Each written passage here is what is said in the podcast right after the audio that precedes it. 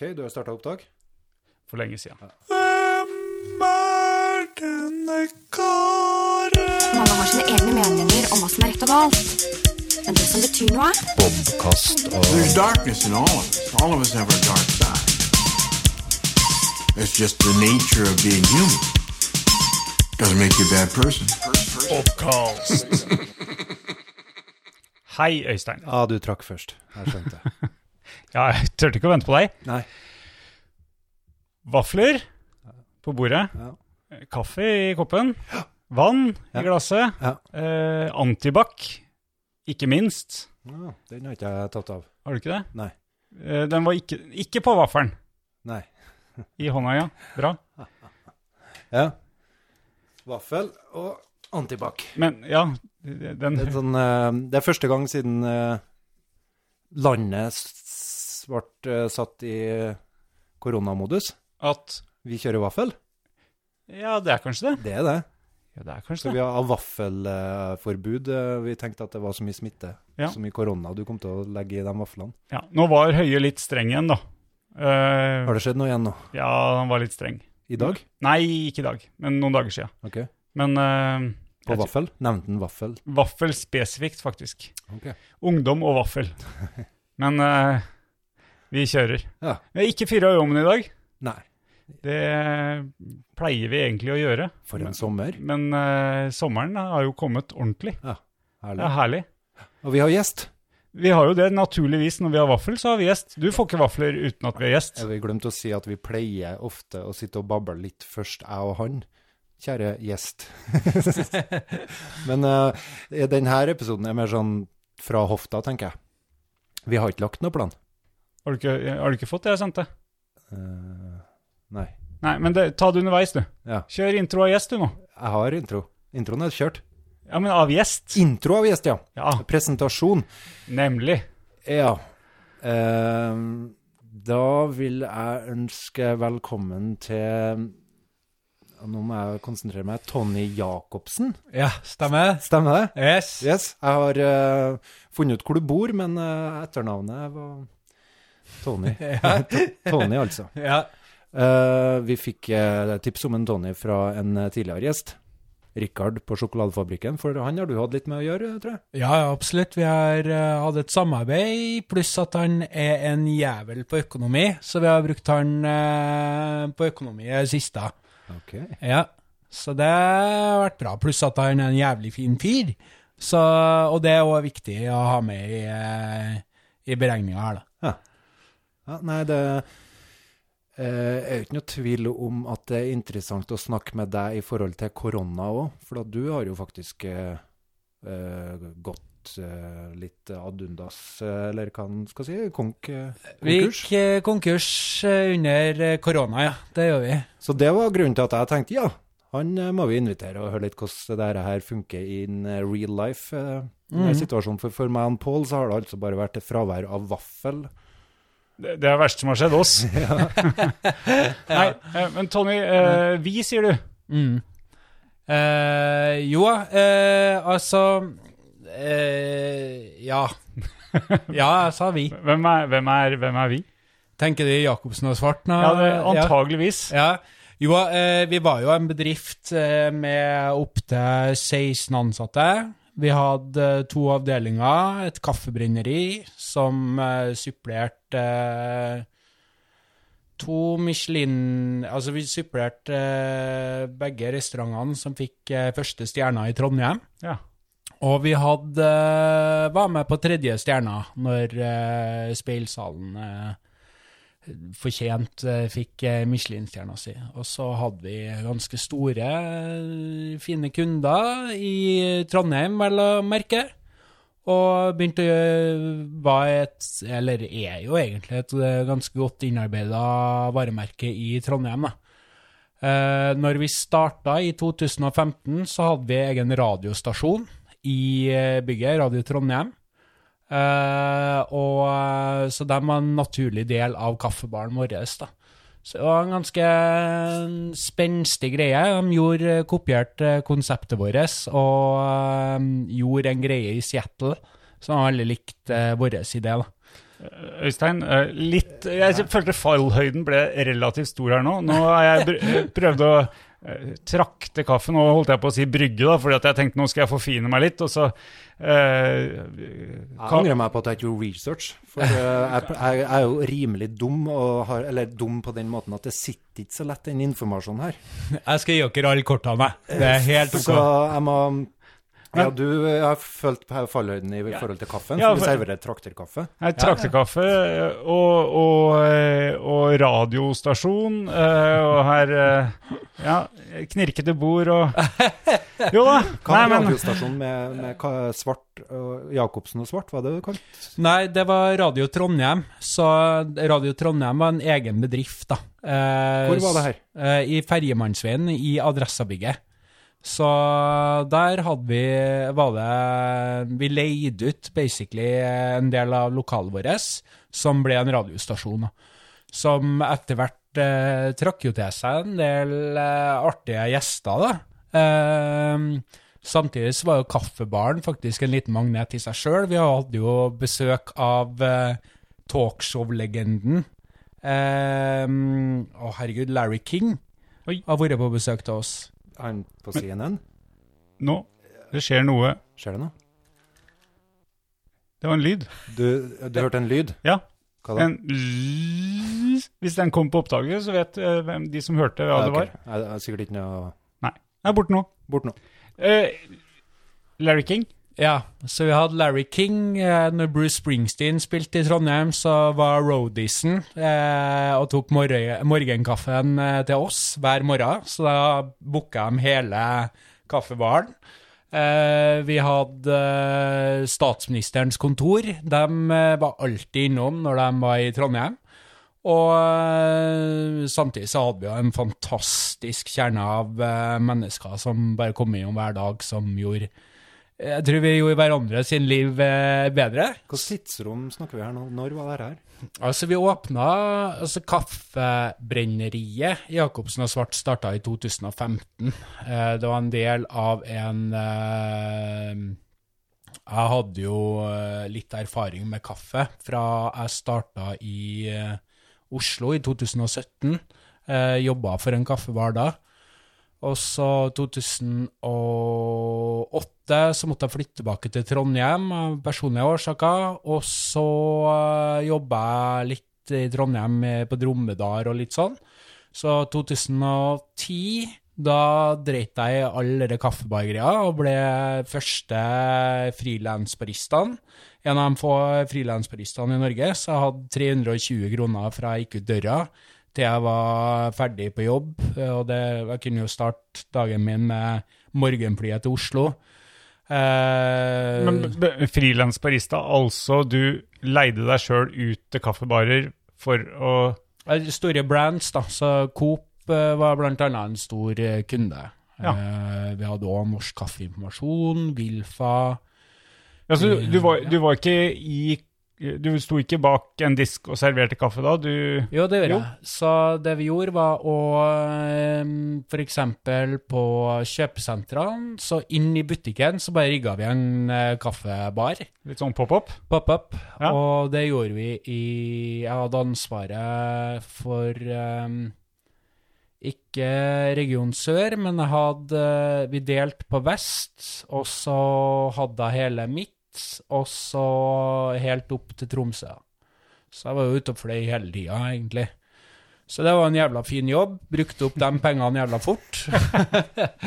eh, og eh, jeg ga meg egentlig litt sånn eh, fordi at jeg kjente at jeg begynte å savne å være hjemme. Eh, men jeg jobba godt. Jeg likte jo jeg etter hvert. Eh, Jeg har alltid hata flyplasser.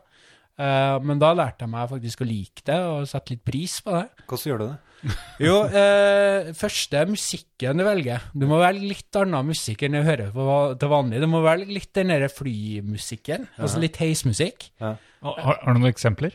Ja, ja, Rye for eksempel, for dem som er godt kjent innenfor musikk. Så er Rye det er sånn perfekt, og de uh, laga faktisk en, uh, en sånn konsertvideo der de spiller på en eh, fransk flyplass, da, og det er bare Det er jævlig bra vibe, da. Det er RHY, eller? RHIE. R-H-Y-E. Jeg har aldri hørt om. Så eh, det er sånn perfekt flyplassmusikk, da. Sånn eh, temmelig rolig, laidback og helt OK, liksom. Så eh, jeg gjorde det her, da. Og eh, selvfølgelig med en sånn jobb så er det jo mye bransje, så det var mye drikking. Og veldig mye ut og reise og spise mat og Men eh, har jeg rett i at en barista er det samme som en bartender, bare at du holder på med kaffe? Det er veldig riktig. Ja. Vet du hva som er eldst av de to ordene? Eh, det Eller er yrkene, da, kan jeg si. eh, bartender. Bartender. For det går tilbake til Eh, Det går jo sikkert tilbake til før forbudstida, men i forbudstida ble det jo på en måte veldig spesielt med bartendere, fordi at de hadde jo sånne såkalte speak easy-barer. Og speak easy var en greie der de eh, bygde opp en bar som var liksom bak bokhylla. Du måtte vite hvordan du kom deg inn, ikke sant? Og det, Derfor heter det speak easy, fordi at eh, det var liksom ikke noe man snakka høyt om. Hvor det var fra det her? Så? Det er USA, spesielt i USA. Eh, og der på en måte bartendergreia ble en stor greie. Så baristayrket blir egentlig ikke svært før eh, type Da hadde vel første espressomaskiner begynt å komme på markedet, og da begynner vi å snakke en sånn 40-50-tallet. Det da det på en måte skyrocketer. Eh, og da blir det en greie. Det blir adoptert av en del av den italienske kulturen.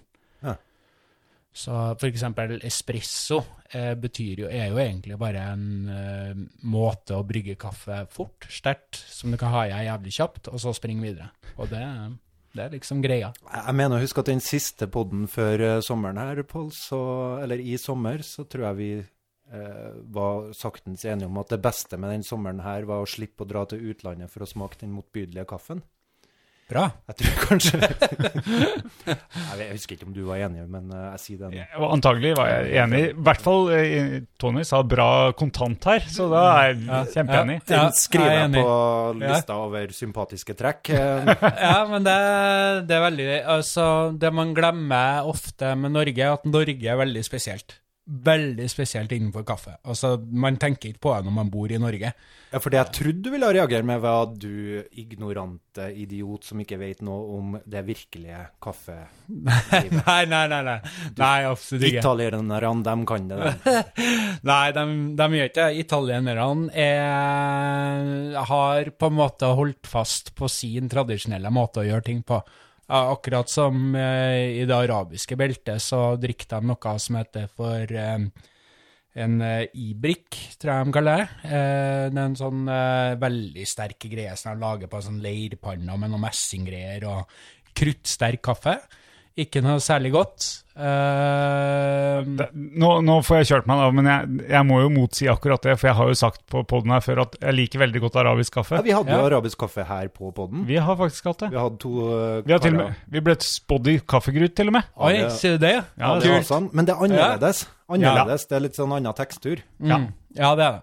Du, du, du, du får jo tunga full av kaffegrut også. Eller det er tynn Det er jo fin, fin, finmalt. Ja, det. Men jeg liker jo veldig godt den, den øh, Å, nå står det stille på krydderet. Kardemomme. Kardemomme. Kardemomme som er oppi. Ja, ja. Eh, men ikke la meg ødelegge men, Kanskje så er jo vi hyggelige når vi får gjester og sier det nam-nam og mm, så godt. Og vi, vi er jo sånne personer, men når det kommer en trønder hit så, Så er det jo trist at den, den eh, antibac-en ikke er oppi koppen, mener du, når det er trønder til sted. Ja, det, det er litt sånn jeg følte egentlig. At, å serve den her Mokka Master Eller det er ikke Mokka Master. Vet Det er ikke det engang. Nei, Serve den her uh, Bosch-kaffen uh, til deg blir mer som å servere karsk til en bartender. Men det er ikke sånn, altså? Nei, det er ikke det. Absolutt ikke. Eh, traktekaffe er dritbra. Det er kjempebra. Du syns det, ja? Ja, ja, men det er det. Det er det. Ja, ikke bare på, på grunn av smaken, men òg av den praktiske Det som du setter på en hel kanne. Det er mange som lager altfor lite kaffe når det lages kaffe. Vi har antageligvis gjort det nå. Men uh, Jeg merker det. det, uh, d- nå, den uh, varen i kaffebarer som øker mest i omsetning, altså per enhet, er jo faktisk traktekaffe. Altså Den espressomaskina er jo på en måte Ja. Den er ikke på vei ut, men uh, den har fått en konkurranse, da. Og jeg, jeg bidrar der. Jeg, jeg vil ha svart kaffe. Og så, er det jo ikke er, Og nå, nå her kommer uvitenheten uh, deisende på, men americano er egentlig svart kaffe, er det ikke det? Ja. Ja. Det ble laga under eh, første eller andre verdenskrig. da. Det var i hvert fall eh, amerikanere som ikke ville ha espresso, så de syntes det var så jævlig sterkt. Så de fylte vann oppi her, og så kalte de det americano. Akkurat. Ja. Nei, fordi at eh, av og til så står jo ikke vanlig kaffe på, eh, på lista. Jeg vil ha vanlig kaffe. Svart kaffe. Ja. Så kan eh, hun hjemme ta eh, cappuccino. Alltid cappuccino. Men det senker statusen litt på americano, da, hvis det bare er en ordentlig kaffe vanna ut. Det kjenner jeg at blir litt sånn hmm, litt annenrangs. Ja, ja, jo, kan føles sikkert litt sånn. Men, men det er ikke bare det, det her. Det, Nei, det er noe magisk med trakter for kaffe. Jeg syns det. Jeg syns det. Bra. Vi, vi, eh, du, som du skjønner, Tony, vi, det er ikke sikkert at vi klarer å følge en rød tråd hele tida. husker du forresten hva de For gjør. Vet du hva de gjør i Eritrea? Ja. Kafferitualet i Eritrea. Eh, For det første, hvor lang tid det tar. Det tar sånn ca. to-tre timer fra kjerringa begynner med ritualet å lage kaffe. Og det i seg sjøl kan være et triks for å holde mannen hjemme. Da. Så han kommer hjem fra jobb, får seg litt middag, og så begynner dama, kona, og lage kaffe. Og da vet han bare at åh, fuck. Ble ikke noe ut og treffe kompisene i dag? Nei, for da tar det en to-tre timer til det ritualet er ferdig, til de er klare til å drikke kaffe. Oi, helvete. Og da er det ikke bare smak det dreier seg om, da er det hele greia rundt Ja. kaffe. Men det, det syns jeg det er mye med kaffe. Det er Ja. mye av det som er, skjer rundt, som Ja, er viktig òg. Det er det absolutt, uten tvil. Men jeg liker effektiviteten til traf, tra, trakterkaffe. da. Jeg må drikke litt vann, kjenner jeg. Men- Bra, bra. Hvis du drikker litt, så kan jeg prøve å komme oss inn på den tråden igjen. Fordi at uh, vi var på gjestene og sånn. Uh, fordi at det her uh, Jeg må bare minne om hvor det her ender. og det er litt sånn brutalt og kanskje litt uhøflig, men, men det endte i en korona og konk. Eh, og- og jeg lurer på litt hvordan vi kommer dit, bortsett fra korona. Jeg skjønner jo at korona er ganske, ganske viktig i det her, da. Men, men veien dit Men jeg klarer ikke engang å forestille meg hvordan du kan være en frilans barista, Barista. som reiser rundt og turnerer for å lage kaffe. Det er absurd for meg. Så Ja. hvor uh, oppsto det markedet? Må jo, jeg, jeg må spørre om Ja, det. ja, kjør på. Jeg, jeg, jeg, tror det, jeg, jeg tror ikke det er så veldig mange som har gjort den jobben, og jeg tror ikke det er mange som kommer etter meg heller. Nei. Så øh, kanskje når de hører lønna, så blir de kanskje litt mer motivert. Men øh, Så det var bra lønna? Ja, det var veldig bra lønn. Uh, og um, um, Nei, altså um, Jeg for jo rundt og passa, eller bare servert kaffe og små cappuccinos til folk, og det var det jeg gjorde. Og eh, jeg husker jo spesielt når jeg var i Haugesund en gang. Eh, da satt jeg på en pub ganske sent på kvelden. Eh, og da kom det en eh, fyr eh, bortover og ville spandere på meg en øl. da. Og Det viste seg å være lokale gullsmeden i, eh, i eh, Haugesund. Um, og så uh, kommer det en annen fyr som uh, var designer. Han hadde nettopp liksom landa fra Japan og hadde jobba med å utvikle noen dusjer i Japan. Så jeg lurer på liksom, hvor fancy kan du få en dusj, egentlig. Men tydeligvis, det var en jobb, da. Å ja. Ja, det finnes eh, mange måter å gjøre en do, det finnes mange måter å gjøre en dusj. Ja. Det er marked for det. Det er nok det. Ja. Så eh, kom en av byens løse fugler, og eh, han visste jo liksom alle triksene. Han har gjort det her hver dag i sikkert mange tiår. Eh, hvordan han skulle liksom lure til seg en halvliter og få den påspandert. Så han, eh, gullsmeden han spanderte en halvliter på han, og så satt vi og prata litt om seiling. Eh, og så eh, prata vi litt om hva alle sammen holdt på med, da. Eh, og så um, Så blir det litt sånn eh, Kommer det jo helt til meg, da. Og da blir det jo helt stilt. Og de blir litt sånn Ja, hva driver du med, liksom? Kjenner igjen den. Ja. og så uh, Ok, og så um, bare uh, Jo, jeg driver og Jeg er barista, liksom. Og så blir de eh, litt sånn Hva i faen er en barista? Og så bare Nei, jeg koker kaffe til folk, liksom. Måtte du bryte hånd bak med dem for å vinne kred? Nei, de eh, to uh, førstnevnte var ikke noe stress med, dem. han løse fyren, han eh, var jo litt mer sånn Hva i helsike? Han flira i 15 minutter, da. Og bare tenkte det det mest geniale. Hvis jeg kunne ha levd og fått betalt for å koke kaffe til folk, så hadde jeg virkelig skutt gullfuglen. Ja. Så var var litt der, da. Så nei, det var en veldig god aften. Ja, men en tenker jo litt sånn at eh, det å koke kaffe noe vi gjør hver dag, og stort sett alle kan gjøre det. Bartender blir noe annet. Jeg kan ikke lage en eneste drink. nei. Så det tenker jeg det er smart at det er noen profesjonelle som tar seg av når folk har lyst på drink. Ja.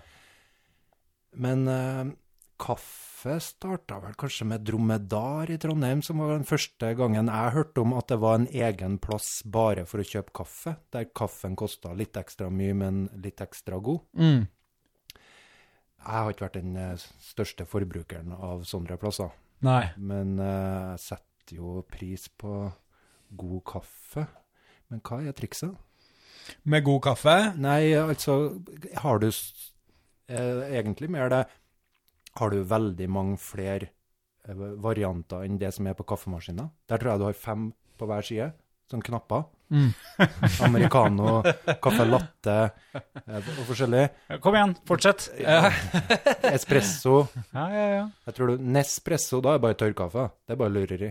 Eller? Det kommer ikke noe vann. Og nei, ikke så lurt.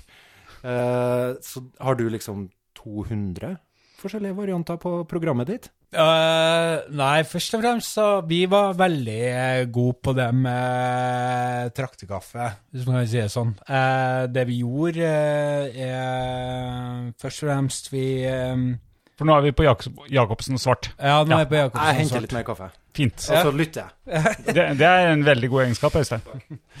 Ehm, jo, ehm, god kaffe handler om flere prosesser. Det ene er jo uh, råvaren. Og for at du skal få til å liksom lage god kaffe, da, så, ehm, så er man avhengig av en god råvare. Så man kan si liksom de store kaffebrenneriene, de kjøper såpass store volum at liksom det er ikke mulig å få til et bra produkt. Det er litt som potetproduksjon. Det er en forskjell på å lage ett tonn og når du skal begynne å lage 500 meter tonn. Og, og sånn er det med kaffe. Kvaliteten går opp fordi at eh, de gjør jo mer med det. Eh, og ergo prisen går jo opp òg. Men, hva- var Eller hva er? Vi snakker er, tror jeg. Hva er en god råvare for deg, da? Eh, Hva, eh, hva er det du kjøper inn da? altså en god Er det en grønn bønne, eller er den ferdig brent? Ja, ja, nei, det er god Da er det en grønn kaffebønne, ja. Ja. ja. Og så Teknikken vår var jo at vi eh, smakte oss frem til dem vi syntes var best, ut av eh, Ja, kunne vi gå gjennom kanskje 200 kopper eh, på det verste. Men er, er det du som er god på smaking, eller er det, har du noen med deg som er, eh, er sånn For noen har jo en veldig utvikla smakssans som kan eh, Hold, hold tråden nå, for nå har jeg et praktisk problem som jeg må løse her, som jeg har lurt på hvor- så mange ganger. Hvorfor tar du den kaffen der? Jeg tar bare skjea fra den kaffen. Ja, for, For den Ja. jeg, vet, jeg så du hadde kjøpt kaffe. Ja. Det er mora mi som vi snylter på innimellom her, og prøver å unngå det. ja, okay. Den, den kaffeskjea her er sånn måleskje. Den skal inneholde ti gram, ikke sant? Mm, hvor mange sånne skjeer skal ha oppi Ja? Jeg vet ikke. Det er det jeg, som er praktiske problemet mitt, for at den her idiotiske kaffetrakteren forholder ikke seg til det metriske systemet. Ah, Den sier, på ene sida så har den en liten kopp, Ja. og på den andre sida så har den en stor kopp. Vi har bare holdt på tanken, du skal få fortsette. Jeg må sette på mer kaffe, så så skjønner ikke jeg meg på jeg kaffetrakteren. skjønner det, men, men det, det første spørsmålet ditt er jo åpenbart. Det er, men eh, det er ti, ti eh, Da, Gram? Ti gram i ei Ja. sånn vanlig måleskje. Ja. Men når det står dem der, det står ikke en liter. Nei. Så jeg forholder jo meg til oppskrifta. Alltid én liter, 60 gram kaffe. Så Ja. litt ekstra for at jeg er glad i det. Ja, ja. Hva skal jeg gjøre her nå, når det er 15 Det, det står 15 på sida, eller det står 9? Uh, det er egentlig Så du mangler jo et viktig verktøy her, da. Hva da? Vekt. Uh. Bruker, bruker du ikke vekt, Øystein? Eh, jo, hvis jeg har hatt vekt. Jeg har jo berømma deg for å bruke vekt Ja. på hytta. Takk. Eh, så Hva gjør du det? Jeg gjør det. Oi. Jeg gjør det hjemme òg. Ja. Bare for å Det skrøter på deg nå. For at Nei, nei, nei, det er så har- positivt. Du nei, bruker ja. ikke vekt hjemme. Jo da. Ja, men det. da, det skryter ikke jeg av. Du Nei, kan gjøre det på hytta. jeg, jeg har vekt på hytta. Ja. Så hvis La oss si at det var ti, da. ja. Seks.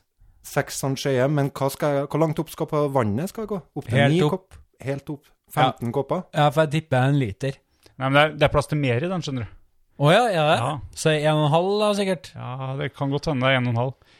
Så, for det er en ganske massiv trakter, det der. Hmm. Ja. Dere må bare ta en tur på kjøkkenet og snakke litt der, så kan jeg drive podkast her, jeg. Ok, men eh, har du noe svar på det? Nei, men, men uh, det åpenbare motstykket da, Ja. til, uh, til Tonys vekt her, Ja, jeg, er jo lite mål. ja men det har ikke vi. Jo, du finner jo et lite mål. Jeg trodde det var en sånn her huskeregel, sånn som det er en huskeregel. Én liter kaffe, 60 gram. Ja. Nei, en lit, ja, en liter vann, 60 gram kaffe. Ja. Og så tenkte jeg det var noe tilsvarende på det her eh, andre systemet. Antall, som andal, antall kopper. Småkopper, storkopper. Mm. Ja. Men det er ikke, altså. Nei, jeg tror ikke det, altså. Til og med ikke for en av Norges første omreisende barista så lot det der selges. For en idiotisk trakter, Pål!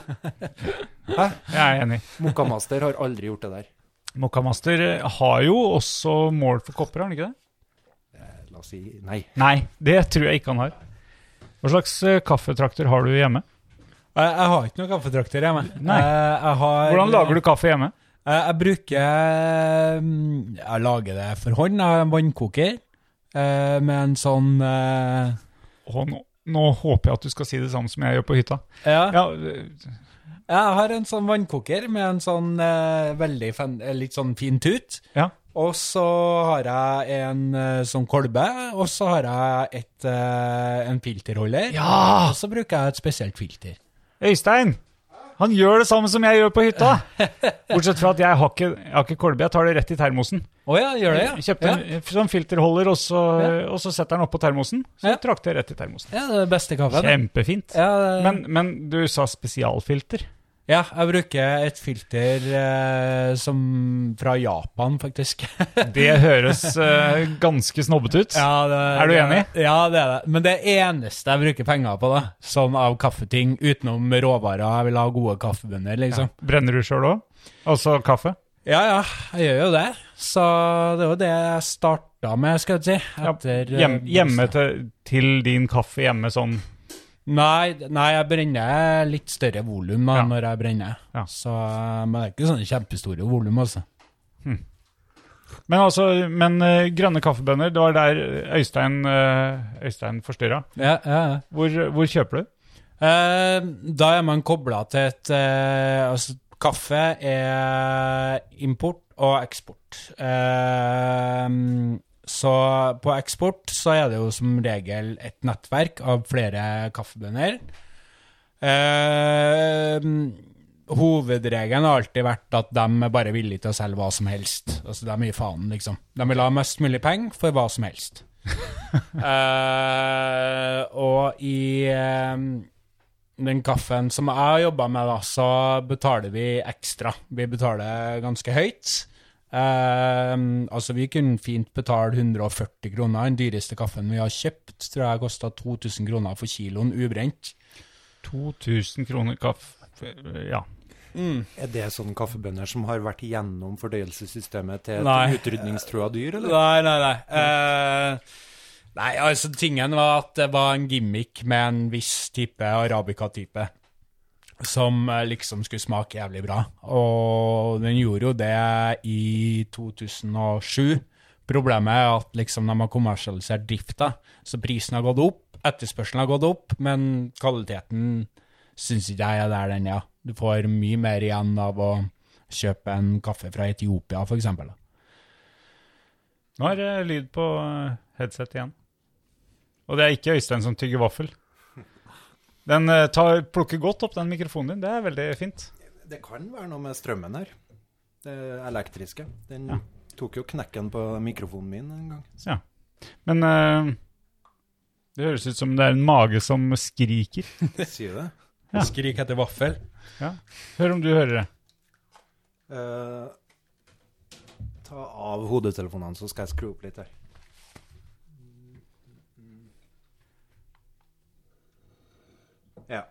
Jeg hører det. Men um, det får være. Ja, ja. Det høres ut som en mage som skriker. Ja. Det er ånder. Den kommer av og til. Ja, ok. Du har tatt ut den mikrofonen som du har Mhm. her på magen. Har på magen, ja. Du vet, En gang så var det en kunstner som hadde et uh, kunstprosjekt med å ta opp lydene av knærne til en Egil Drillo Olsen. Han brukte sånn kontaktmikrofoner og satt på knærne til han, for han hadde jo eh, berømt nok eh, så mye revmatisme eller et eller annet med ledd og sånn. Ja. Og så lagde han bare et musikkstykke av lydene som kom derfra. Det regner jeg med du syns er stor kunst, Pål. ja, men det høres ut som noe du kunne gjort. Nei, ja, ja, ja, dessverre. Nei, det her bare rettferdiggjør det at vi må investere i nytt utstyr snart, eh, Pål. Mere utstyr, det er jeg Ja. glad i. Vi trenger sponsorer som kan gi oss penger, da. Vi har, vi har jo sponsor som har gitt oss sjokolade. Den eksisterer jo ikke lenger. Vi- den har jo gått over i en ny form. Vi var sponsa av en Rikard, Ja. Klæber sjokoladefabrikk, Ja. som vi nevner nå, da, av gammel høflighetsskyld. Høvelighets skyld. Ja. Jeg, jeg eh, traff på Richard i dag og fortalte at du skulle komme. Det ble, han ble jo veldig blid av å høre det. Så bra. Han sa du var en veldig bra fyr, så det, Det hyggelig det tror jeg han har rett i. Og sponsinga gikk ut på at vi fikk sjokolade. Ja. som vi hadde på, til å by på for gjestene våre. Men uh, nå trenger vi penger. Vi trenger penger til å kjøpe lydkort, Ja, ja. be lydkort og reparere mikrofon.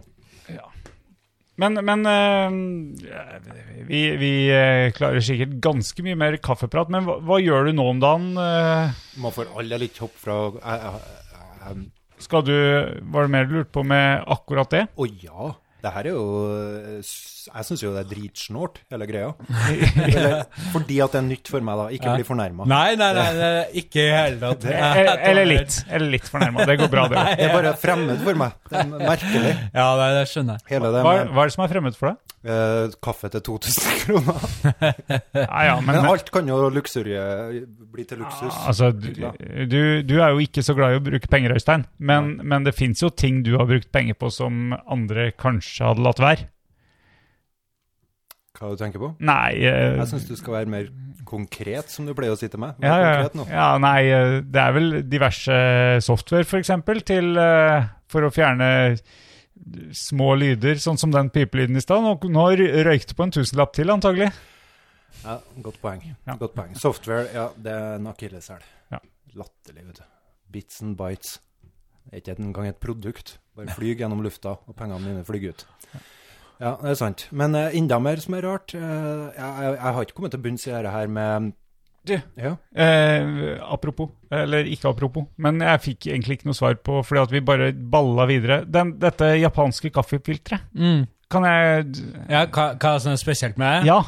For det første så er det Det som er spesielt med er partiklene. Eh, hvordan det er på en måte for kaffe For at du skal utvinne kaffe, så må du ha ulike stoffer. Og noen av liksom kjernene i kaffe er annet kavenol. Det du fjerner med et kaffefilter, selvfølgelig. Det som ikke er så sunt. Er det ja, det? det er ikke så sunt. Eh, dog, altså jeg, tror virkelig, virkelig ingen har dødd av kavenol. Altså, jeg tror det er andre fettstoffer som er jævlig mye mer farlige enn kavenol, for å si det sånn. Ja, for Kavenol er i kaffen? Ja, ikke, ikke i filtrert kaffe, men i kokekaffe så eksisterer det. Det har jeg hørt om før. Ja, Ja. Nå får du høyt kolesterol, da. Ja. Eh, men det er òg et par eh, andre ting. Kaffe inneholder en del estere. Eh, det inneholder en del fenoler. Stopp. Estra? Eh, det, Estera eller Estra? eh, nei, altså eh, Det inneholder eh, en type det, det her er på en måte snakk om en sånn eh, Kaffe kan på en måte smake sitron. Det kan ha Kan smake blåbær. Det kan smake jordbær. Hvis du putter sitron, blåbær og jordbær i kaffen, ja. Det er det man tenker, da. Men det er litt det samme med vin. At eh, når du smaker på seks forskjellige viner, så vil du kjenne at det er noe forskjell på dem. Og så kommer spørsmålet, for det her er jo et spørsmål. Ja. Gjør man egentlig det? Ja, for er det som blåbær, altså for å beskrive? Mm, eh, Det er både og, da. Eh, men du kan si kjemisk sett Altså, Hvis vi går ned på protoner Det har vi gjort gjennom et spektrometer på eh, NTNU. Åh, det liker jeg. Og da kikka vi på det, for jeg er veldig opptatt av at det skal være liksom Det må være vitenskapelig hold i det vi holder på med. liksom. Jeg gidder ikke å si at 'å, det smaker blåbær', og så er jeg helt på bærtur. her tilfellet, så Ja, for jeg kan se- dobbelt betydning. Jeg kan for meg når du går ned til atomnivå, at det kan skje det samme som skaper den smaken i blåbær, i noe annet. Ja, det er akkurat det det gjør, da. Eh, akkurat som eh, lyd. Altså, hvis du skrur på en lyd, så kan du få en fis til å høres ut som en fiolin. Ja. Sant? Og det er en ganske kul måte å betrakte verden på, fordi at du ser hvor enkelt egentlig bestanddelene egentlig er. Og så ser du egentlig at uh, vi Her blir jo en sånn slags meditasjon, da, uh, som jeg har reflektert jævlig mye over, da, men uh, meditasjon er jo på en måte det at vi har jo egentlig jævlig travelt jeg. Vi har det sykt travelt. Vi har egentlig ikke tida til å smake på det vi spiser. Vi har egentlig ikke tida til å drikke det vi drikker. Vi bare pælmer oss og fråtser. Så eh, hvis Bibelen hadde rett, da, så er jo vi liksom kjempesyndere som faen. Eh, Er du, er du religiøs? nei, ikke i hele tatt. Ferdig med den? Ja. Eh, Eller eh, eh, Det er et godt spørsmål, da. Altså, jeg tror jo jeg fin noe, da. Ikke ferdig med den likevel. Nei, ikke sant? Det er en sånn menn der, da. Fordi eh, Faen, når, når man tenker på det, altså mm, Jeg tror ikke jeg er en fyr.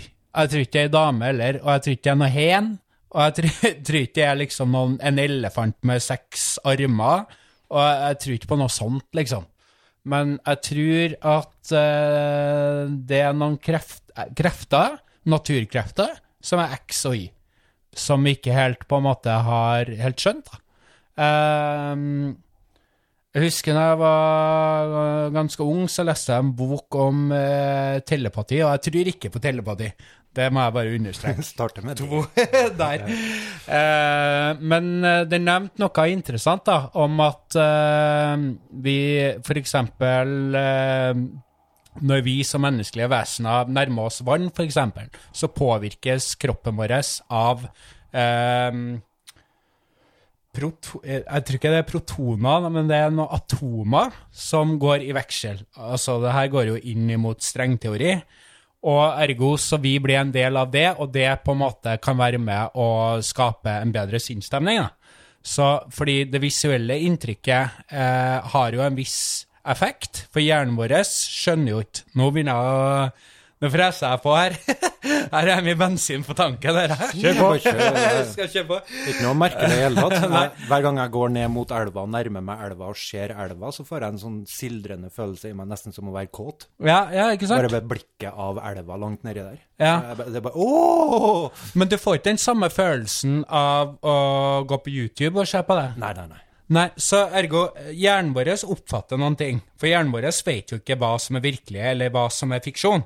Den kan egentlig ikke Den ser bare det den ser, og så reflekterer vi over det. Så det som skjer, er jo på en måte et etterarbeid av eh, det vi har erfart, til det eh, øyeblikket vi opplever akkurat nå. Og det er jo litt sånn Normalt sett så går jo det her Så tenker man egentlig ikke så jævlig mye over det. Nei, det er kanskje greit. Det er veldig greit. Det hadde tatt lang tid. ja, det er det. Men det virker. Ja, ja, ja, ja, Det gjør det, det jeg. Ja. Og jeg tenker veldig sånn at eh, det må jo være påvirkninger. Altså, vi, vi Jeg tror ikke Jeg tror på energi da, som en konstant bevegelse. Og, og det er jo på en måte en ting som Jeg tror ikke er åndelig i seg sjøl, men jeg tror det kan føre til åndelige opplevelser. Jeg tror man må på en måte fragmentere mellom For jeg tror eh, vi opplever jo ting som føles åndelig, og jeg tror nok kanskje hjernen spiller et puss med oss der, altså, det tror jeg. Men det er jo utrolig fascinerende at, eh, at liksom hjernen skal gjøre alt det arbeidet, for det tror jeg egentlig ikke helt, da. Fordi vi er jo kobla Vi er jo atomer, og vi er jo protoner, og de går i en bane. Ergo, det må jo være en påvirkning.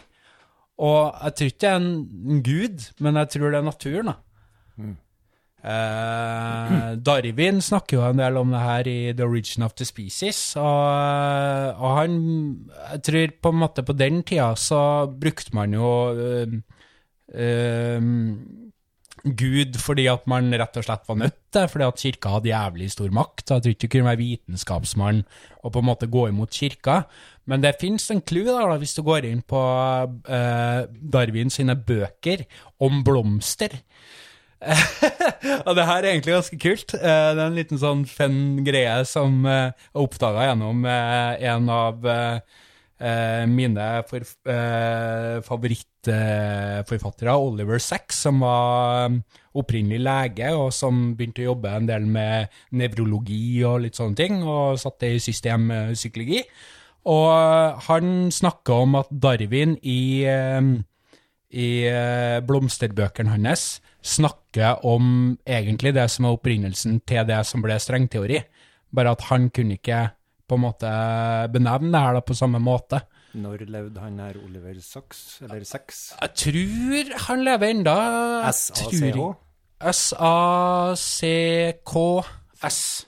Nok en fyr. Det, det her blir bare en sånn podkast som viser hvor lite jeg vet uh, av ting. Du vet mye om mye annet, så det går bra. Takk. Jeg ble usikker der et lite øyeblikk. Ja. Du, takk, Pål. Ja. Oliver Sachs, jeg har sikkert hørt om en, eller sikkert lest om en, eller et eller annet. Skriver han skjønnlitterære bøker? Eh, no, ja, eller på en måte det er faglitteratur som er på en måte gjort om i en eh, Som er ganske lettlest, da. Ja.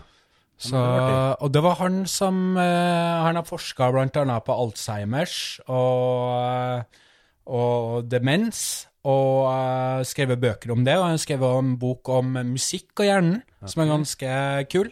Musicology. Uh, som Prince uh, oppkalte en av sine seneste album etter. Uh, og eh, han Eh, ja, og har forska ganske mye på uh, veldig spennende ting og kom frem til veldig spennende funn. Men problemet til Oliver Sacks var at han var homofil i, på 70-, 80-, 90-tallet, og ble på en måte ekskludert da, fra universitetene fordi at han var homofil. Som Ikke fordi han festa så jævlig mye. han var ikke en festløve, så Han var et arbeidsnarkoman. en, en homofil arbeidsnarkoman. Så det var virkelig sånn før i tida. Altså. Ja, det er rart å tenke på. 70-80-tallet. Åpent homofil, stort problem. Mm. Ja. I Vesten, vestlige universitet. Og Ja, ja, ja. fort gjort å glemme det.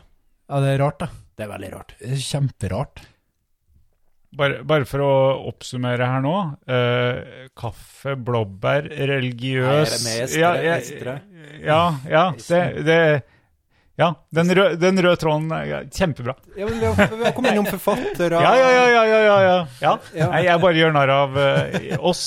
Ikke, de, ikke dere. Ikke jeg, jeg, Pål er bestandig litt bekymra for kunden, uh, som uh, lytteren, som skal prøve å henge med på det. Nei, nei, nei. nei. Ja, du er ikke i dag? Nei, nei, nei. nei, Nei. Eh, ja, for eh, det her starta jo med de her estrene som dere faktisk tok med på Hva kalte du det? Spektrogram? Eh, spektrometer. Spektrometer? Ja, så som det lager spektrogram, da, sikkert.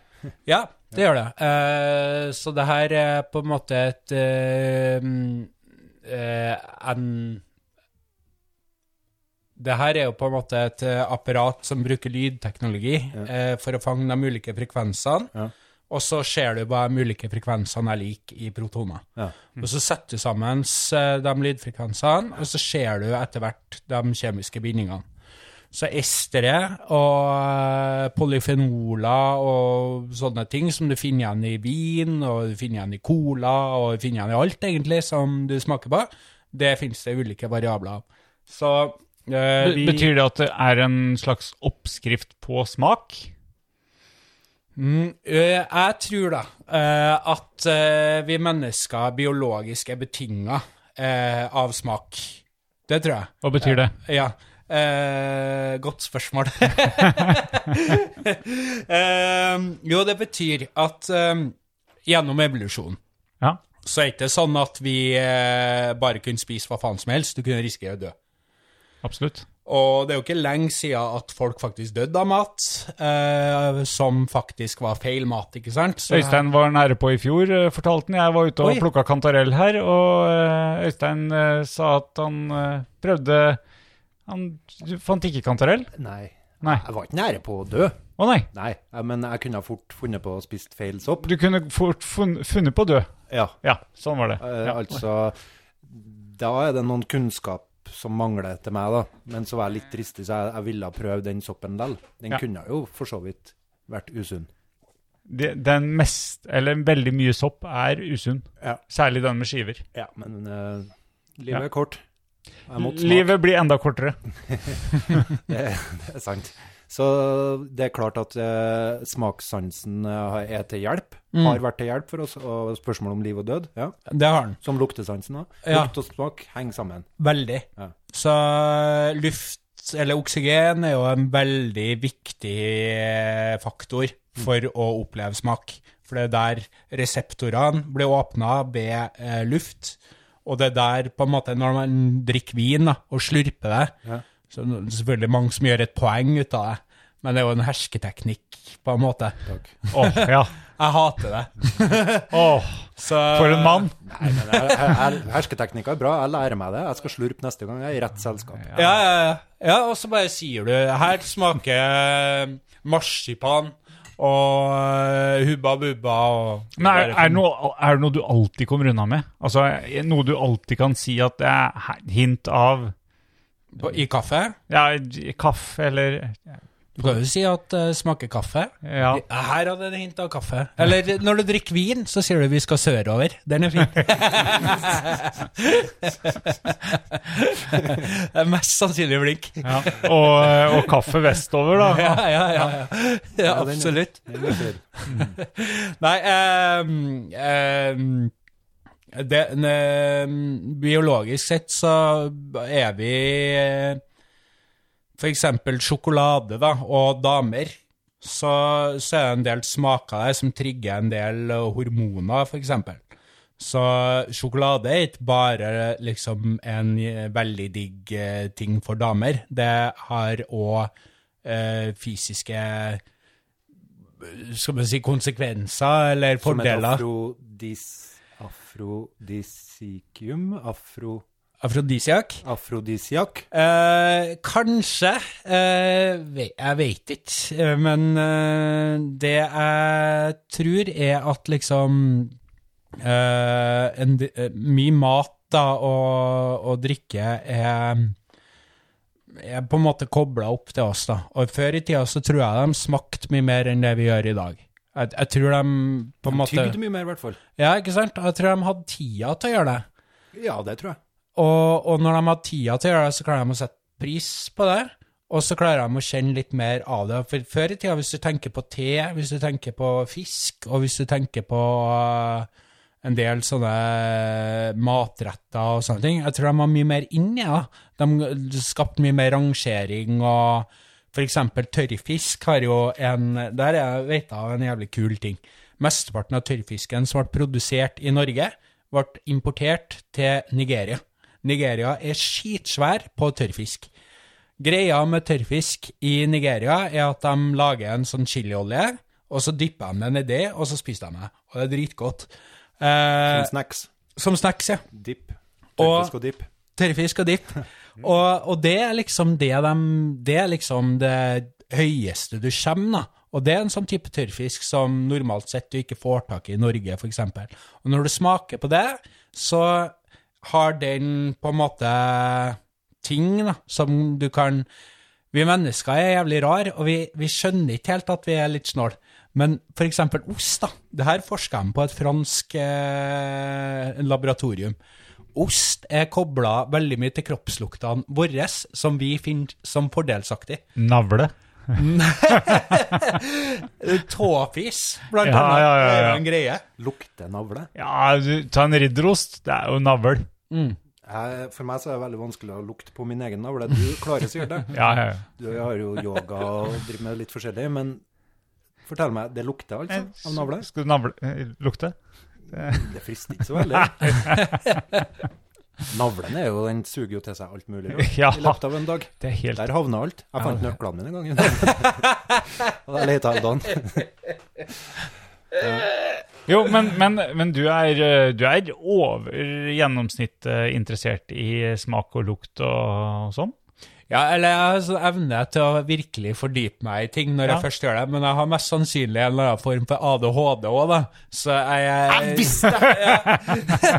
Så jeg er mest sannsynlig eh, sånn som jeg begynte å lære, da, for jeg har lært det her i voksen alder. Ja. Så skolesystemet fanga ikke opp at det var noe galt med meg, selv om det var veldig gode tegn til at det var det, altså. Ja. Jeg så satte diagnose på deg i går kveld. Her. Gjorde det? Ja, ja, ja. Når Nei. vi meldtes. Å ja. Ja, når vi satt og meldte, så du fortalte at du hadde faktisk gått til hytta di Ja. For å gjøre unna litt telefonsamtaler mens du gikk og sånn. Jeg, jeg kjente meg jævlig godt igjen, eller jeg vet ikke om Men jeg kjente igjen den her typen fyr som uh, bare evner til å fordype deg, ja, og i tillegg glad i å gå. Det er min diagnose. ja. Men uh, du er jo interessert i det her, og du har jo jobba med det, så det er jo klart at det er en stor fordel for deg å være interessert i smak, da. Ja, det Tjente jo penger på det. Ja, ja. ja. Kjente jo Ble jo aldri rik på det her, da. Ble jo rik, eller ikke rik, da, men jeg kjente jo greit når jeg jobba som frilans. Du hadde det sikkert artig. Jo, til en viss grad, da. Men jeg er litt av den typen at liksom eh, når, eh, når jeg kjenner at liksom det begynner å bli for safe, så har jeg lyst til å finne på noe annet. Jeg er ikke noen sånn trygghetsperson, liker ikke jeg så særlig godt. Så da, da må jeg ut av komfortsonen. Er du glad i risiko? Ja. Ja. Veldig. så da jeg var ung, så drev jeg mye med speedskating. Så jeg sto på rollerblades. Og så i hockey, la, nedover lange jævla bakker. Ja, det er lurt. Ja, kjempelurt. kjempesmart. ja. Og uh, hjernen min var sånn at den kunne liksom For det, der er jo den ADHD-hjernen. At jeg kan koble meg på og liksom finne exiter overalt, for jeg jobber jævlig bra under stress. Når jeg finner riktige stressen Jeg har to typer stresser. Den ene stressen er når jeg ikke klarer å komme i gang med dagen. Altså Det blir for mange oppgaver, og så vet ikke jeg hvor jeg skal begynne. Og Da begynner jeg å barbere meg og gjøre rare ting. Det har du ikke liksom. gjort i dag. Jo, jeg gjør det i dag. Å, du har det? Ja, jeg skulle egentlig sette i gang med en oppgave, men jeg endte opp med å barbere meg. Den kjenner jeg igjen så godt. Jeg Ja, vurderte å barbere meg i går, da. I går, ja, absolutt. Jeg endte opp med å børste håret i stedet. for. Ja, Vellykka. Det- Da er trikset at en må ha noen rutiner, da, vet du. Det, det, er sikkert, det ser jeg for meg du er jævlig god på. Eh, når du først er inni i det. Når jeg først er inne, så har jeg stålkontroll. Men når jeg er ute av det, så har jeg absolutt ikke kontroll i det hele tatt. Så, så som nå, etter jeg ble arbeidsledig Ja. Eller eh, jeg er jo ikke arbeidsledig, føler ikke jeg, da. Fordi jeg, jeg har jo prosjekter som jeg tenker. Jeg har jo prospekter. Jeg har jo ting jeg tenker jo at jeg kan få til noe her, liksom. Så, så i så måte så føler ikke jeg at jeg er arbeidsledig, for jeg har jo noe å gjøre. Jeg har jo noe å tenke på. Jeg kan dra på hytta, jeg kan bygge ting, jeg kan hogge ved. Kan du altså- kaffe? Ja, det kan jeg gjøre. Jeg har dritmye ting jeg kan få til. Så Ja, ja, det er, det, det er ikke noe tvil om det. Du har det. Men vi kan ikke forlate de her estrene ennå, for at, uh, det her er jo folkeopplysning òg. Ok. For min del så kom ikke jeg helt uh, fra det her med at um, den her smaken av blåbær Fant dere virkelig ut at det kunne være kjemisk det samme? ja, det, Så det, er ikke bare sludder? Nei, Nei. det er der. Så kan man snakke om øh, øh, Det finnes en bok som er skrevet på 90-tallet av en fyr som heter for Ivon Flament, Ja. som heter for Coffee Flavor Chemistry, som øh, basically betegner alle kjemiske formler i kaffe. Og det, kaffe er veldig kompleks. Det er faktisk mer kompleks enn vin. Så øh, Vin er oppskrytt. Jeg syns det. Jeg er veldig glad i vin, jeg, altså. Ja, men ok. Eh, Men det spørs hvilken vin vi snakker om. Jeg er ikke, jeg er ikke noe glad i dyre franske. Jeg er glad i mye vin, Hater først og fremst. Ja, ja det og er veldig bra. jeg skulle til å hente mer kaffe, jeg. Jeg skulle bare slenge på at uh, Men har du smakt naturvin, da? Natur. Nat Fins det ikke naturvin? ja, ja, ikke sant? Godt spørsmål. Uh, OK, så eh, Det blir ikke noe kaffe når du stiller sånne spørsmål. Da må men jeg sitte jeg, her jeg og føler, nå må jeg, her er min greie. Jeg henter kaffe og hører. Ja, gjør det. Fyll Ok, på. Så når Nå er jeg spent, da. For nå har jeg koka den. Jeg står til ansvarlig. Jeg måtte gjøre det på slump, for jeg skjønte ikke meg på de tallene. Så når du lager kaffe, eh, eksempel eh, hvis vi ikke lager kokekaffe, men vi lager kaffe på filter, så filtrerer vi bort en del stoffer. Som fettstoffene vil binde seg opp i. Ikke sant? Så Eh, Før vi går videre, i går laga jeg såkalt eh, Knerten-kaffe, oppkalt etter en barnehage jeg jobba i, der vi løste problem etter hvert som de oppsto. Det vil si kaffefilter ikke. Nei, da tar vi tørkerull. Å ja. Og brukt tør tørkerull som uh, kaffefilter. ja. Og det blir kaffe ut av Ja. det, men litt tynn. Litt tynn. Ja, den ble det. Ja, jo, men det kan jeg tenke meg. For det, hvordan Ja, for da, da er vi inne på det med tekstur. Fordi hvis eh, partiklene i papiret er veldig tett, som det kan være på litt sånn eh, av dere institusjonelle papirfiltrene, som du får litt sånn, sånn, sånn store ruller, da, som du får på sånne institusjoner og fabrikker og alt mulig sånt, så er det veldig tett. Det er veldig tett filter.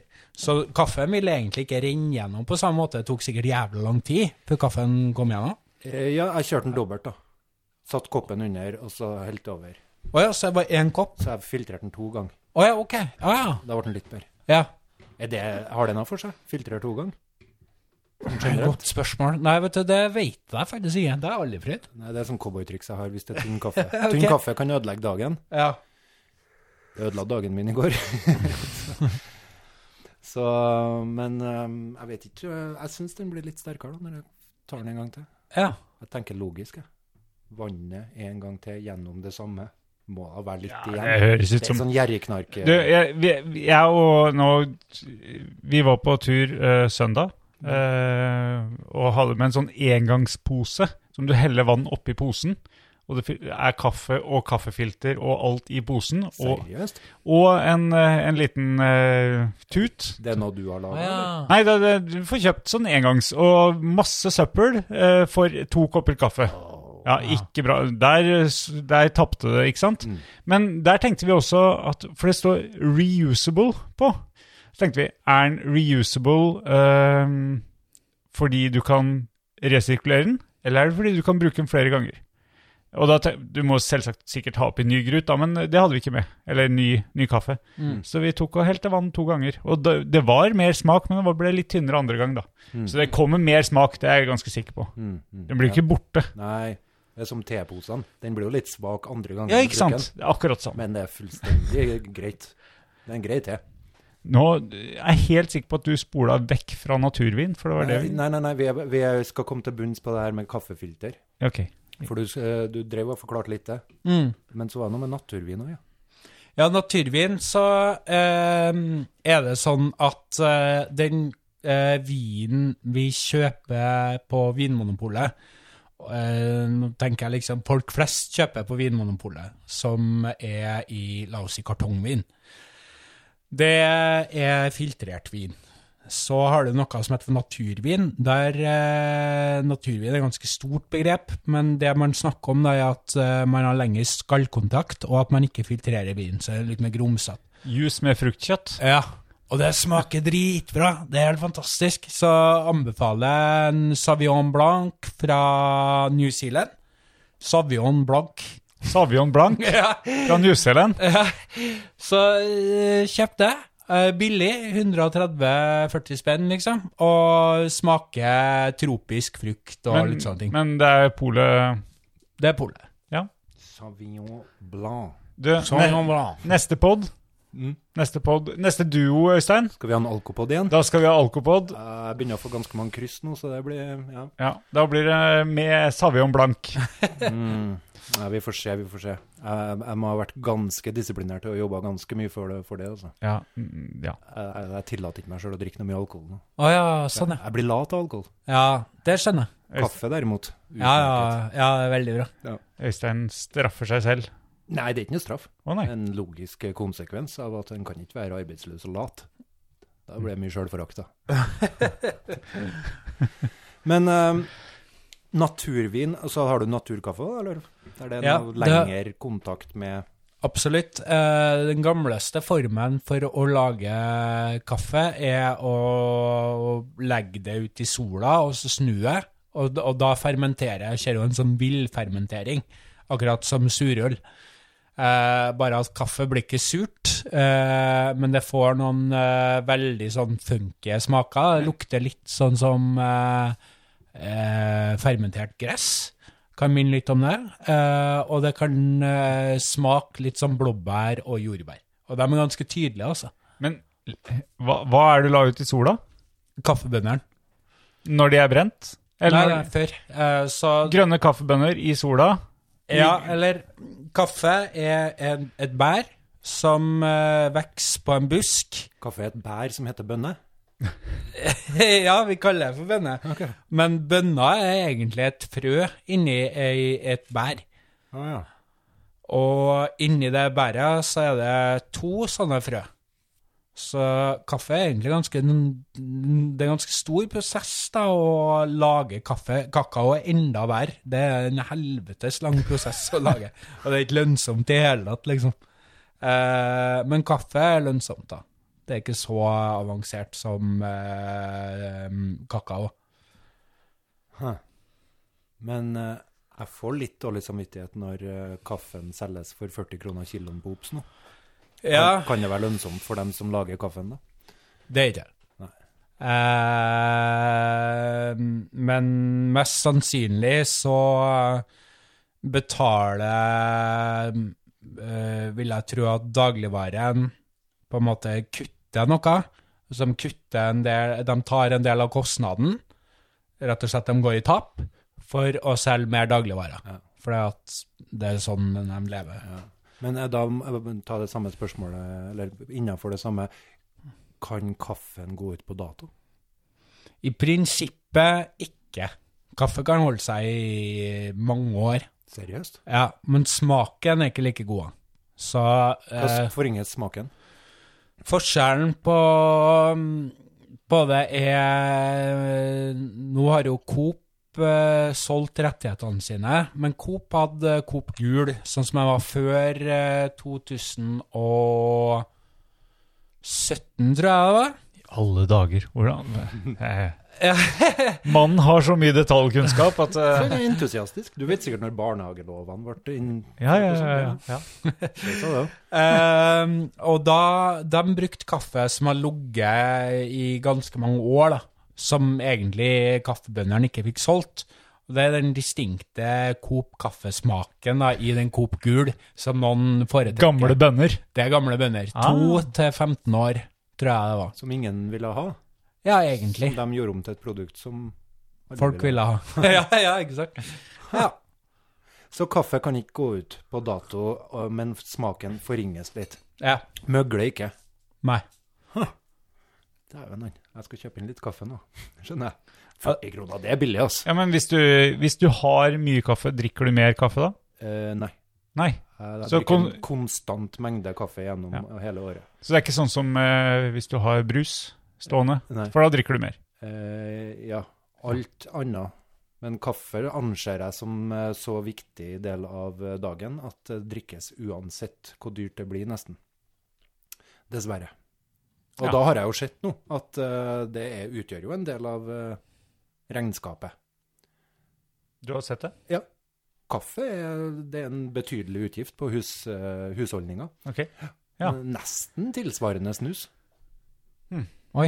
Men snus er det bare jeg som har glede av, da. Ja, sant. Så når den selges til 40 kroner kiloen og kan lagres Nesten så vi må stenge av podden her. Jeg vet ikke hvor lenge det tilbudet varer. Dra og kjøpe. Ja. Ja. Ja, men det var godt å høre, for det har bekymra meg litt at den kan gå ut på dato. Mm. Akkurat, ja. Ta den videre, Pål. Nei, nå skal jeg ha meg litt kaffe. Nå skal du ha kaffe. Vaffel, da? Eh, nei takk, jeg har jeg, eh, Som jeg la ut på Instagram før dere kom, så spiste jeg min dose før dere kom. Fordi at eh, Det var sånn at jeg traff på mora di nedi her Ja, okay. når jeg kom. Ja. Hun sa at du ikke hadde lært klokka når du var barn. Oh. Det var sikkert bare en skrøne. ja. Ja. Nei. Det er dårlig gjort. Dårlig gjort å si sånn om folk. Du Jeg var vel ikke noe sein i dag, var jeg? Nei, det var, eh, det var overraskende. I og med at du til og med har vært eh, i byen og henta gjesten, så Ja. syns jeg at du var Jeg syns jeg klarte det ganske bra. Eneste som var litt artig, var at det sto en tom koffert som det skulle være utstyr i. Som du hadde Jeg hadde med. jo lagt utstyret på bordet og pakka det ut. Men ikke alt utstyret. Det Nei. skal jeg innrømme. Men strømforsyninga til lydkortet hadde du, men ikke lydkort. Nei. Nei. Det, det, det skjer noen huller Ja. innimellom. Nå er jeg glad for at vi fikk roa litt ned her, sånn at dere fikk tatt en vaffel hver. Mm. Det, det er veldig bra. Ja. Det er mye kardemomme i de, eh, for det syns jeg det må være i vafler. Kardemomme i vafler, ja. Ja, det må være mye kardemomme. Mm. Sa de. Har ikke jeg tenkt på en gang å ha i vaffelen. Hæ? Kardemomme, du må ha kardemomme i vaffelen. Har du noen andre ting, da? Som rømme Nei. Nei. Men eh, jeg kan ta litt sånn eh, hva det nå skal være. Men Ja. i dag er det ikke hva det skal være. I dag er det Du anser vaffel som restemat? Som du kan putte ting oppi? ja, og, og en, en god kamerat uh, fortalte at bestemora alltid hadde cola, rester av cola, colaslumper, oppi vaffelrøra. Ja, hvorfor ikke? Oi. Det, det var bra. Jeg har prøvd det. Jeg smakte ikke den helt store forskjellen, men det er sikkert bra. Det er for å få brukt det. Ja. Men, eh, men apropos masse smaker og fermentering og sure saker og sånn. eh, vi snakka jo i sommer om at uh, jeg drev med kefirlaging. Lager kefir, altså fermentering av melk, har jeg lært at det er. Eh, og nå i dag og i går så har jeg Du sa fermentering av melk? Ja. Er ikke det sånn korn, da? Jo, men det, det, det som skjer, er fermentering av melka. Hva- Da blir det kefir. Da blir det en kornene der? Hæ? Nei, eh, korn, korna, er, korna er den soppen Jeg tror det er sopp. Mm. Som, eh, som ferment... Gjør en eller annen påvirkning på melka. Hvor kommer de kornene fra? De får du av noen. Fra kua, eller? Nei, nei, hvor de kom fra, det er magi. Faen, hvor dum vi er. Det er helt sykt. Aner er. ikke. Bare Jeg er helt sikker på at det er noen av de klokeste lytterne vi har, som kommer til å nå sende inn. Men det Det skal være sikkert. Ja. Men vi går altså rundt her og flotter oss med forskjellige ting som vi prøver ut, og vi nærmer oss naturen, og så ender vi opp med som tomsinger og ikke har peiling hva vi holder på med, egentlig. Ja. Men eh, det er også Jeg har nå gjort et nytt forsøk på surdeig. Å ja. Så i går bakte jeg første brød av litt sånn eh, tidlig surdeig. Det ble ganske bra. I dag så er jeg ett steg nærmere ferdig surdeig. Den er ferdig i morgen. Da er den, da er den ifølge oppskrifta klar.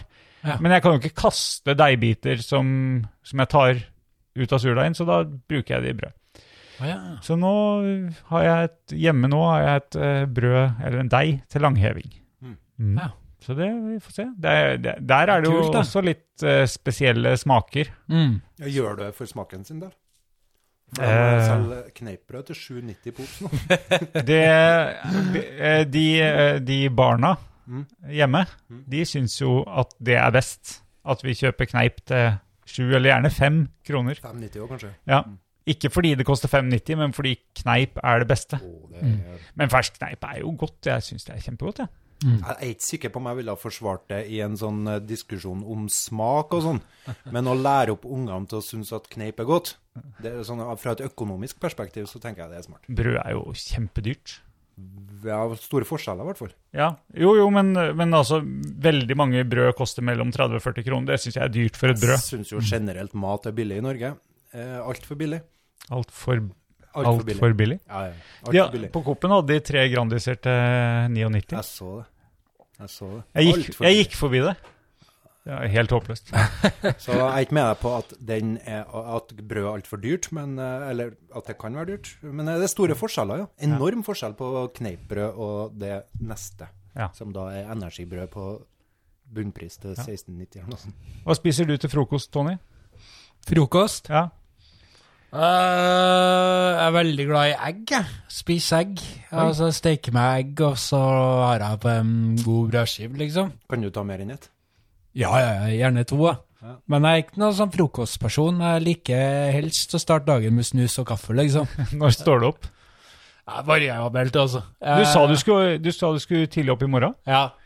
Mor tidlig opp i morgen, det er seks for meg, liksom. liksom. ja. Gruer du deg til det? Hva i Nei da, det går bra. Uh, jo, det uh, I morgen så har jeg litt uh, oppgaver. jeg Men, men sa ikke du at du var arbeidsløs? Ingen arbeidsløs som står opp klokka seks? Nei, men jeg har jo oppgaver, Han har ting å gjøre. Har ting å gjøre. Han føler ikke seg arbeidsløs.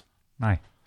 Seks er utmerket tid å stå opp på, tenker jeg. Ja, det er jo egentlig For du har unger òg, ikke sant? Jo. Unger jo. i hus, og de står ikke opp seks. Nei, jeg- min eh, treåringen min står opp eh, sju, gjør han. Sju. Mm. Ja, det er med sånn i en periode. Eh, Det er tre år. Det er en herlig alder. Ja, det er fantastisk. Ja, det er beste alderen. Jeg skulle ønske de var tre hele livet. Bare få flere barn, Øystein. Eh, ja.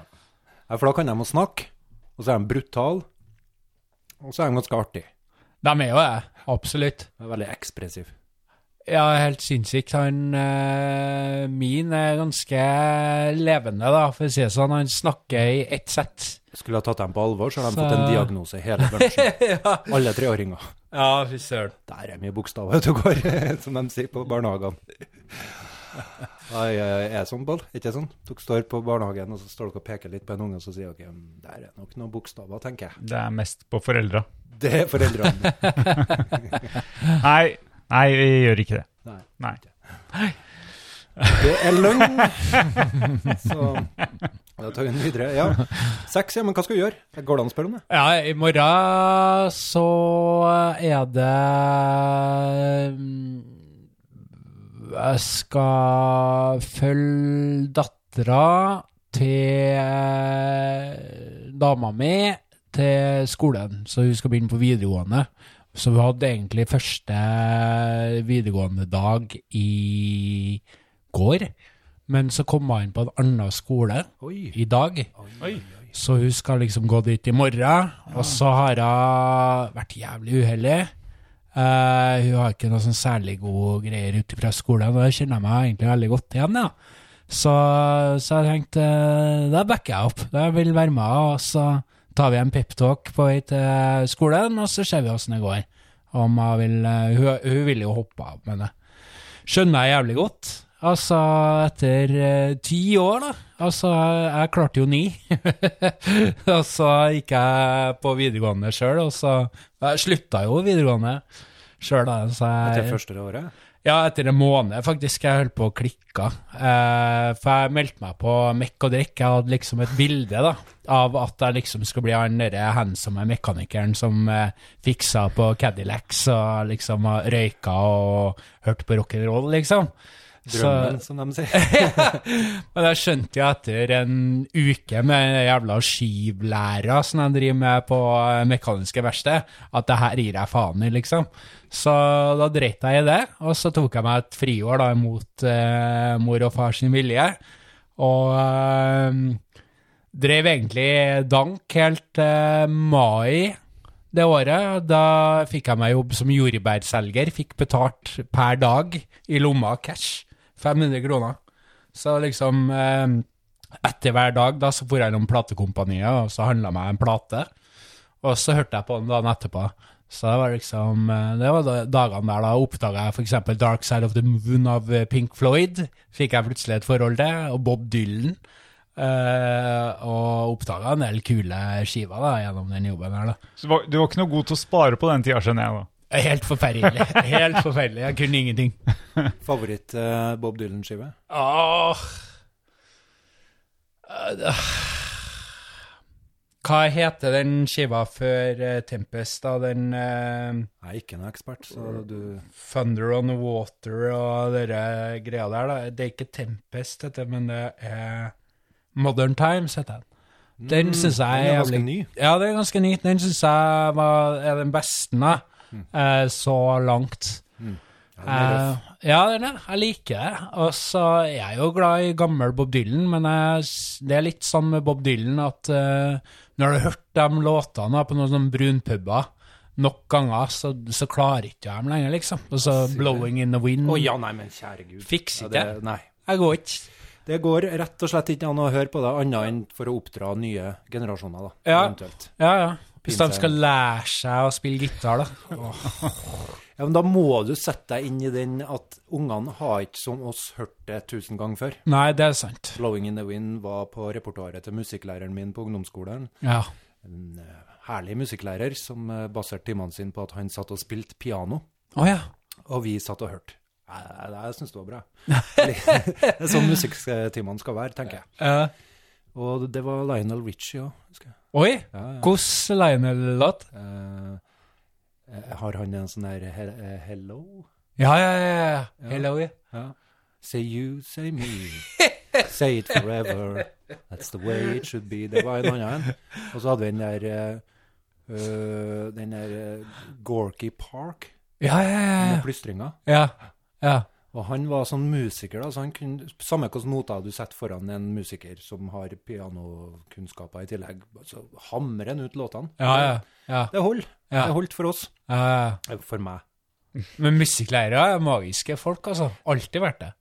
Ja, ikke denne musikklæreren, men oh, ja. Ja, jeg trakterer ikke noe instrument. Ja, du må- en- Du må få med at du pekte på deg sjøl nå, for det høres ut som du snakka om han på ungdomsskolen Ja, jeg nevnte vel det før vi starta, at jeg var egentlig musikklærer. Men jeg vil ikke fungere som det, for at jeg syns som deg at de skal være litt magiske. De Ja, skal ja. kunne traktere noe instrument og lage litt magi i klasserommet, Ja.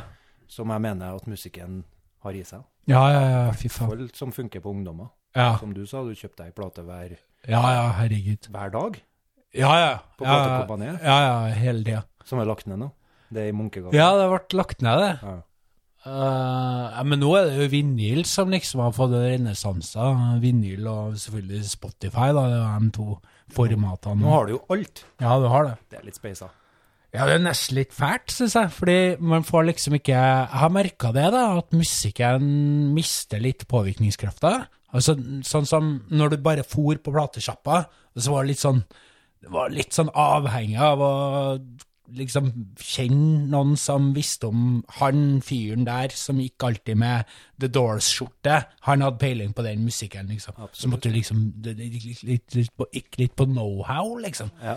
Og, og da fikk du liksom bare med deg en skive, og noen ganger så var det jævlig bra, og noen ganger så var det fullstendig bomskudd, liksom. Boomtown Rats, liksom, å dra med seg det hjem. Det gidda ikke jeg, Bob liksom. Geldof. Ja, faen, altså. Det har hatt veldig lite påvirkningskraft for meg, i hvert fall. Funka ikke. Nei. Nei, det, var, det er noe med det at um, når du kan finne all informasjon om noe i form av hva de mener om noe, Mm. Istedenfor at det er den ene personen Ja, som du ja. kjente, Ja, som hadde sagt et eller annet, og så var det liksom du, din hemmelighet, og så hadde du litt connection med han, og så likte dere det begge. det. Mens nå kan du finne eh, et eget forum på nett som er bare dedikert den, ja, ja artisten Eller eller, bandet eller Jo, du kan jo det. kan sikkert det.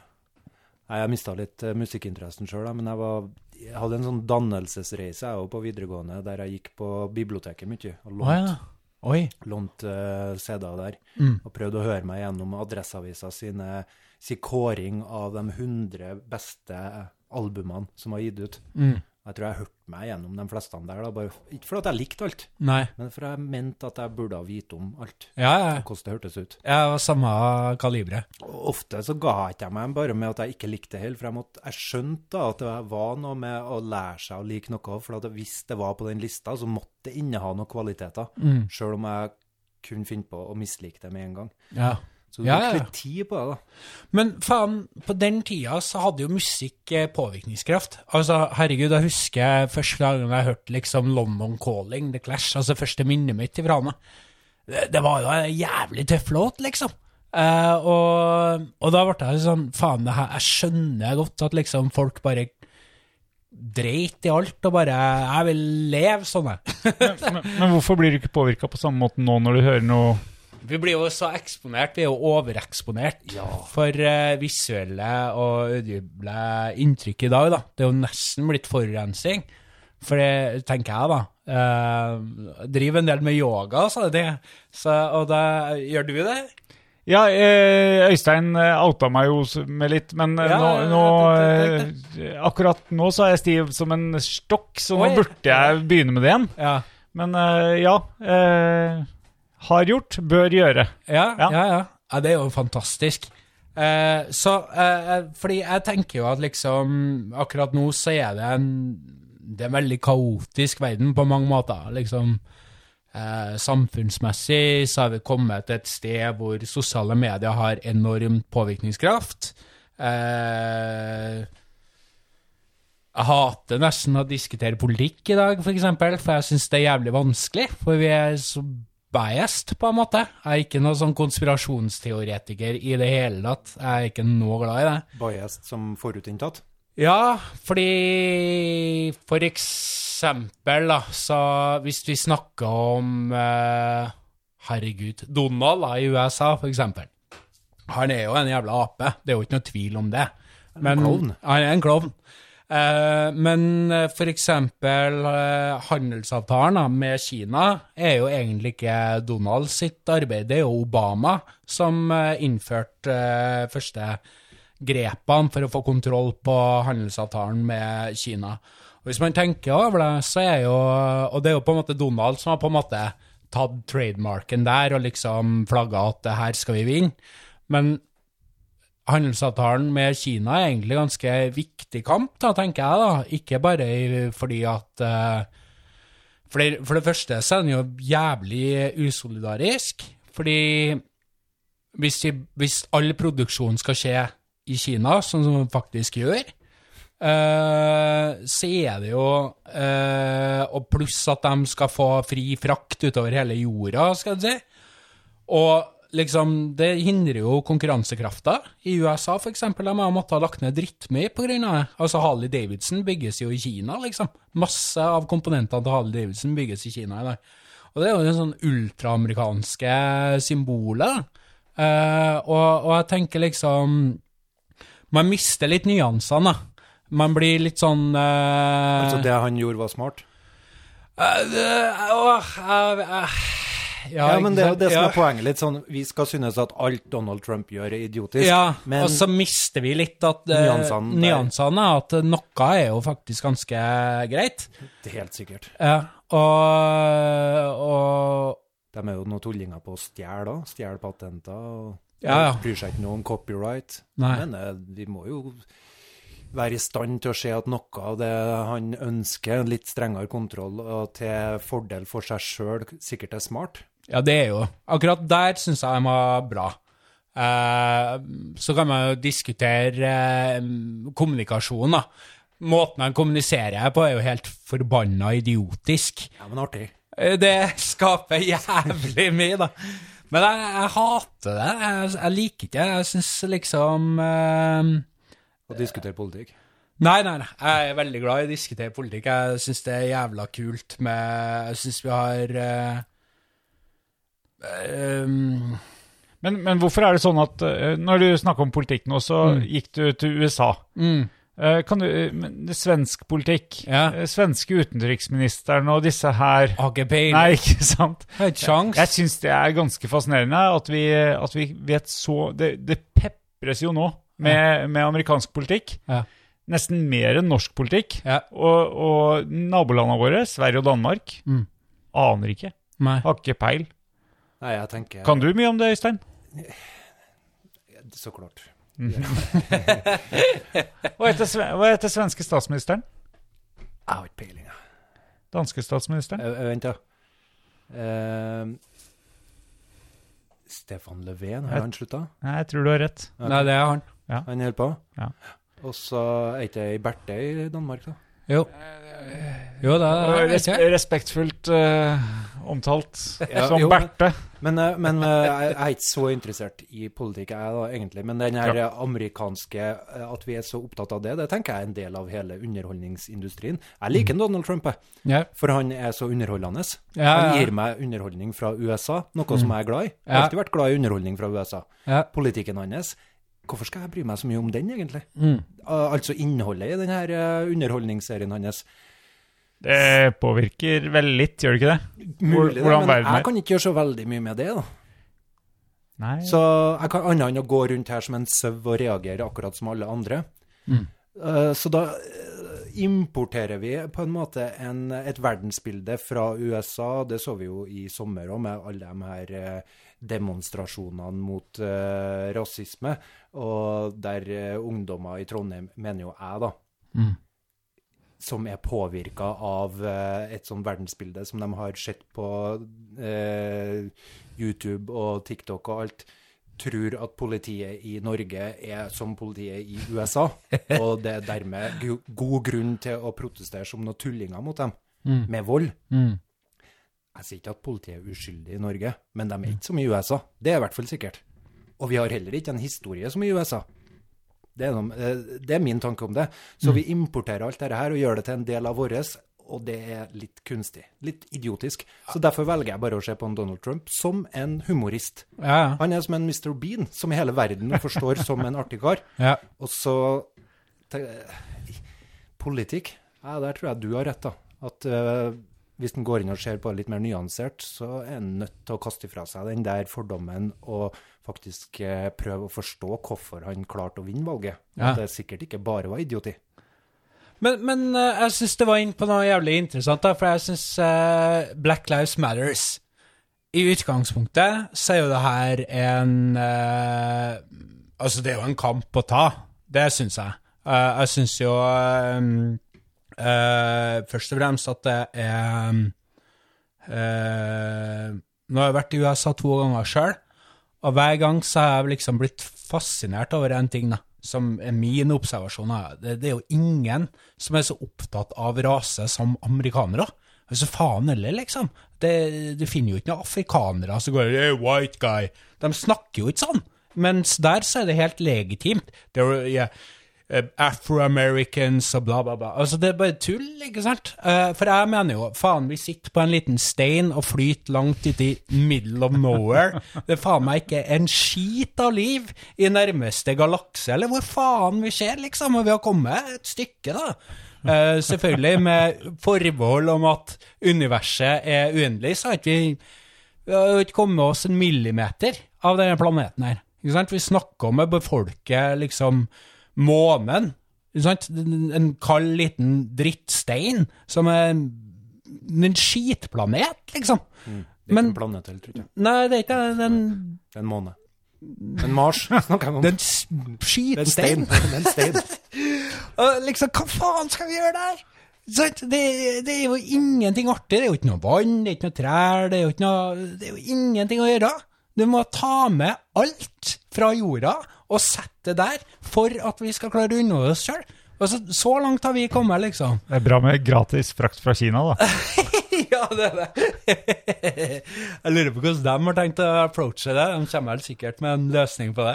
Kineserne tror jeg holder på. De Ja, forbereder seg sikkert. Det gjør de nok. De er i front på det meste nå. Ja, men, Smartinga, vet du. Nå har de tatt med. jobben for oss med å produsere all skiten Mm. mm, til lavtlønna arbeidere.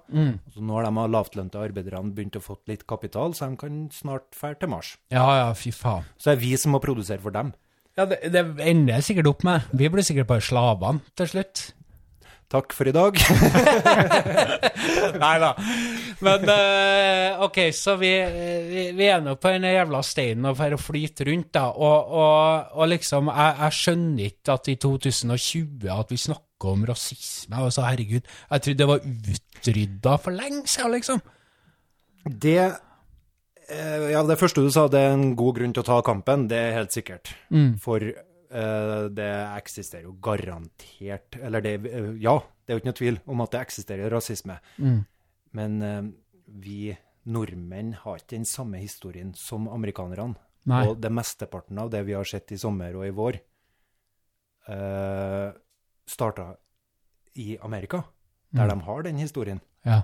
Og så har du andre koloniland, eller sånn England, der de helt sikkert har noe historier. Men, men vi må liksom grave fram. Ja, han eh, Gregor Waltersen, han handla med slaver på i 1750. Ja. Så vi har, vi, vi har ingen grunn til å gjøre noe annet enn å piske oss sjøl for dette her. Nei. Men jeg tror egentlig litt som deg at vi hadde kommet Jeg trodde i hvert fall vi hadde kommet litt lenger, da. Mm. Norges, eh, Norges historie med samene, da?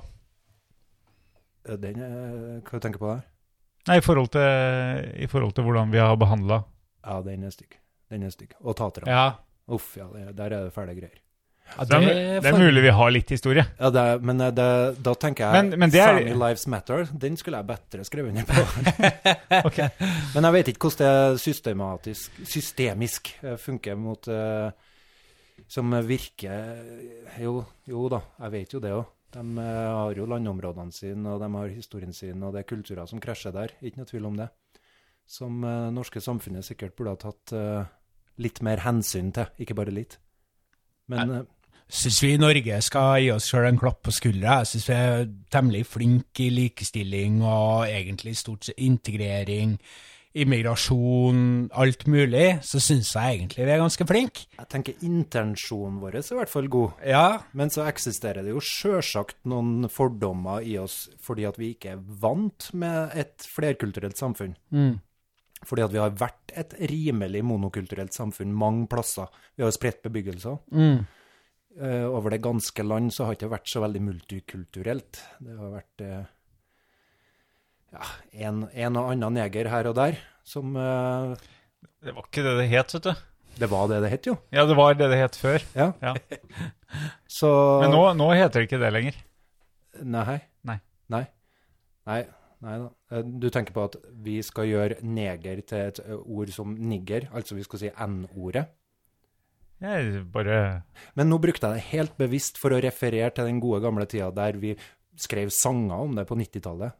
Uh, altså den gode gamle tida. Så vi, det er ikke så veldig lenge siden. Uh, Jeg bare ga deg en mulighet til å forklare det. Ja. Vær så god. Så uh, vi er rett og slett ikke vant til å møte folk fra andre kulturer, og det vi ikke er vant til, blir fremmed for oss. Og fremmedfrykt, det eksisterer i oss alle. Fremmedfrykt og den her eh, evnen til å være hyggelig mot dem vi kjenner og dem vi identifiserer oss med, og være litt reservert til dem vi ikke identifiserer oss med. Men det er jo bare lurt. Ja, men det er veldig lurt å utfordre den da når samfunnet forandrer seg. Ja, ja, ja, men eh, det er jo lurt. Eh, Fremmedfrykt er jo lurt. Og ja, og, Du må, du må jo være litt, eh, litt skeptisk. Ja, til For- Ja, det var jo, vi snakka jo om det, om, eh, om den soppen i stad, f.eks. Ja.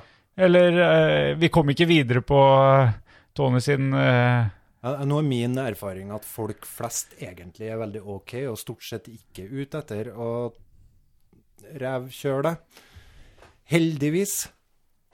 Kommer an på hva du liker. Eh, Så jeg foretrekker en sånn naiv holdning. Og i starten så ble jeg litt provosert av den her eh, voldsomme engasjementet for Black Lives Matter her. Ja, jeg er enig. Litt provosert. Men så kjenner jeg at i ettertid så Ja, fanken. Det der sinnet og det engasjementet, kanskje det trengtes? Kanskje det var på tide å røske litt i det. For jeg tror kanskje det var en av våre første podkaster der jeg snakka om at ah, jeg hadde vært på et eh, juleselskap og var nødt til å diskutere det at vi kunne unngå å si neger. Og det kjente jeg at i 2019 ah, Kjedelig å være den i selskapet, for jeg har vært den jævelen som har sittet og hakka på det der som da lager litt eh, glitch i det sosiale, det her samkvemmet som er bare hyggelig, helt til det sitter en og sier nei, du, vi sier ikke neger, altså. Nå tror jeg ingen reagerer på det. Så, sånn sett så var det her protestene og oppmerksomheten veldig bra. Nå tror jeg det er flere enn de eh, små hiccupene, de glitchene, de bugene, som jeg føler meg litt som av og til, som påpeker det. Eh, Men jeg er litt sånn redd, da, fordi eh, Black Lives Matters, sånn som jeg så det, eh, eller som jeg oppfatta i hvert fall, fra mitt perspektiv, virka jo som en bevegelse mot politivold. Og den er jo utrolig viktig. At eh, liksom eh, At du skal bli behandla annerledes for at du har en annen hudfarge, det gir jo bare ikke mening, liksom. Eh, og så er vi der at det her blir protester, og så går jo her videre. For det her, det her er jo litt av de forurensningene jeg mener på en måte som skjer, ja, med at vi er så eksponert av TikTok. eh, Som jeg, jeg forstår ikke TikTok i hele tatt. Jeg bare ser på Skjønner dere det? Klarer dere å forklare meg, liksom? Eh, Jeg er på TikTok. Er det? Hva er, hva er greia? Det er maks ett minutt. Ja. med underholdning. Og hvis du ikke liker det i løpet av de første fem sekundene, så kan du swipe videre, så kommer det et nytt minutt. Å ja. Etter hvert så kan du samle dem som lager dette her. Eh, dem som lager et minutt som du syns er bra, dem kan du følge. Oh, ja. Så da har du underholdning som produseres potensielt av én milliard brukere. Og så vil da algoritmene sikkert Der er ikke jeg helt sikker heller. Uh, Sette fram dem, eller promotere dem som de tror du vil synes er verdt å følge. da. Oh, ja. Så Ah, ja, du slipper å konsentrere deg noe mer enn ett minutt. Det er perfekt for folk med ADHD. Ja, ja, ja. Men ikke hvis du har lyst til å fordype deg i noe, noe Nei. som folk med ADHD òg er veldig gode til. ja, ja, ja. Så da må du over på YouTube og se dem to timer lange, eller tre timer, eller høre på Bobkast. Så jo, og TikTok eh, har jo blitt kritisert òg mye av det her kinesiske Ja, men det, det handler jo om at de samler inn informasjon Vi vet ikke om de gjør det. Nei, nei, men eh, vi antar Men det gjør jo Facebook, Google, Twitter, Instagram, TikTok. Men de holder ikke til i Kina. Og i Kina så har de litt annet forhold til det her med lovgivning. Men jeg er usikker på om det spiller noe uh, særlig rolle for meg, om de er amerikanske eller om de er kinesiske. Jo, for er vi er jo mot kineserne. Det er jo, her, her er jo en global eh, Det er jo Vesten mot Kina. Jeg er usikker på det. Så jeg gir heller all min data, altså framtidens olje, til mine folk enn til kineserne. Ja, Amerikanerne er ikke dine folk sånn, altså. Amerikanerne er mine folk, jo. Alltid vært mine folk. Herregud. Alt som vi har å kose oss med her i Norge, kommer fra Amerika. Hvis du skal gjøre en sånn værmelding på hvordan det vil være her i Norge om et par år, ja, se hva som skjer i Amerika nå. Nå er veganisme er ikke veldig pop nå her? Jo, det har blitt ganske svær greie. Ganske svær- greie. Er du veganer? Nei, jeg, nei, jeg er ikke det. Men jeg spiser ganske Du har vurdert det? Ja Jo, det har jeg jo, men mest av det etiske. Men Det er kineserne som kom opp med det, vet du. Nei, det er ikke Nei, det er ikke Det er sant, altså. ja, men jeg tipper at kineserne er mer veganere enn eh, amerikanerne. Kineserne spiser jo alt som alt som kan. Jeg er sikker på at de er bedre på plantespising enn en amerikanere.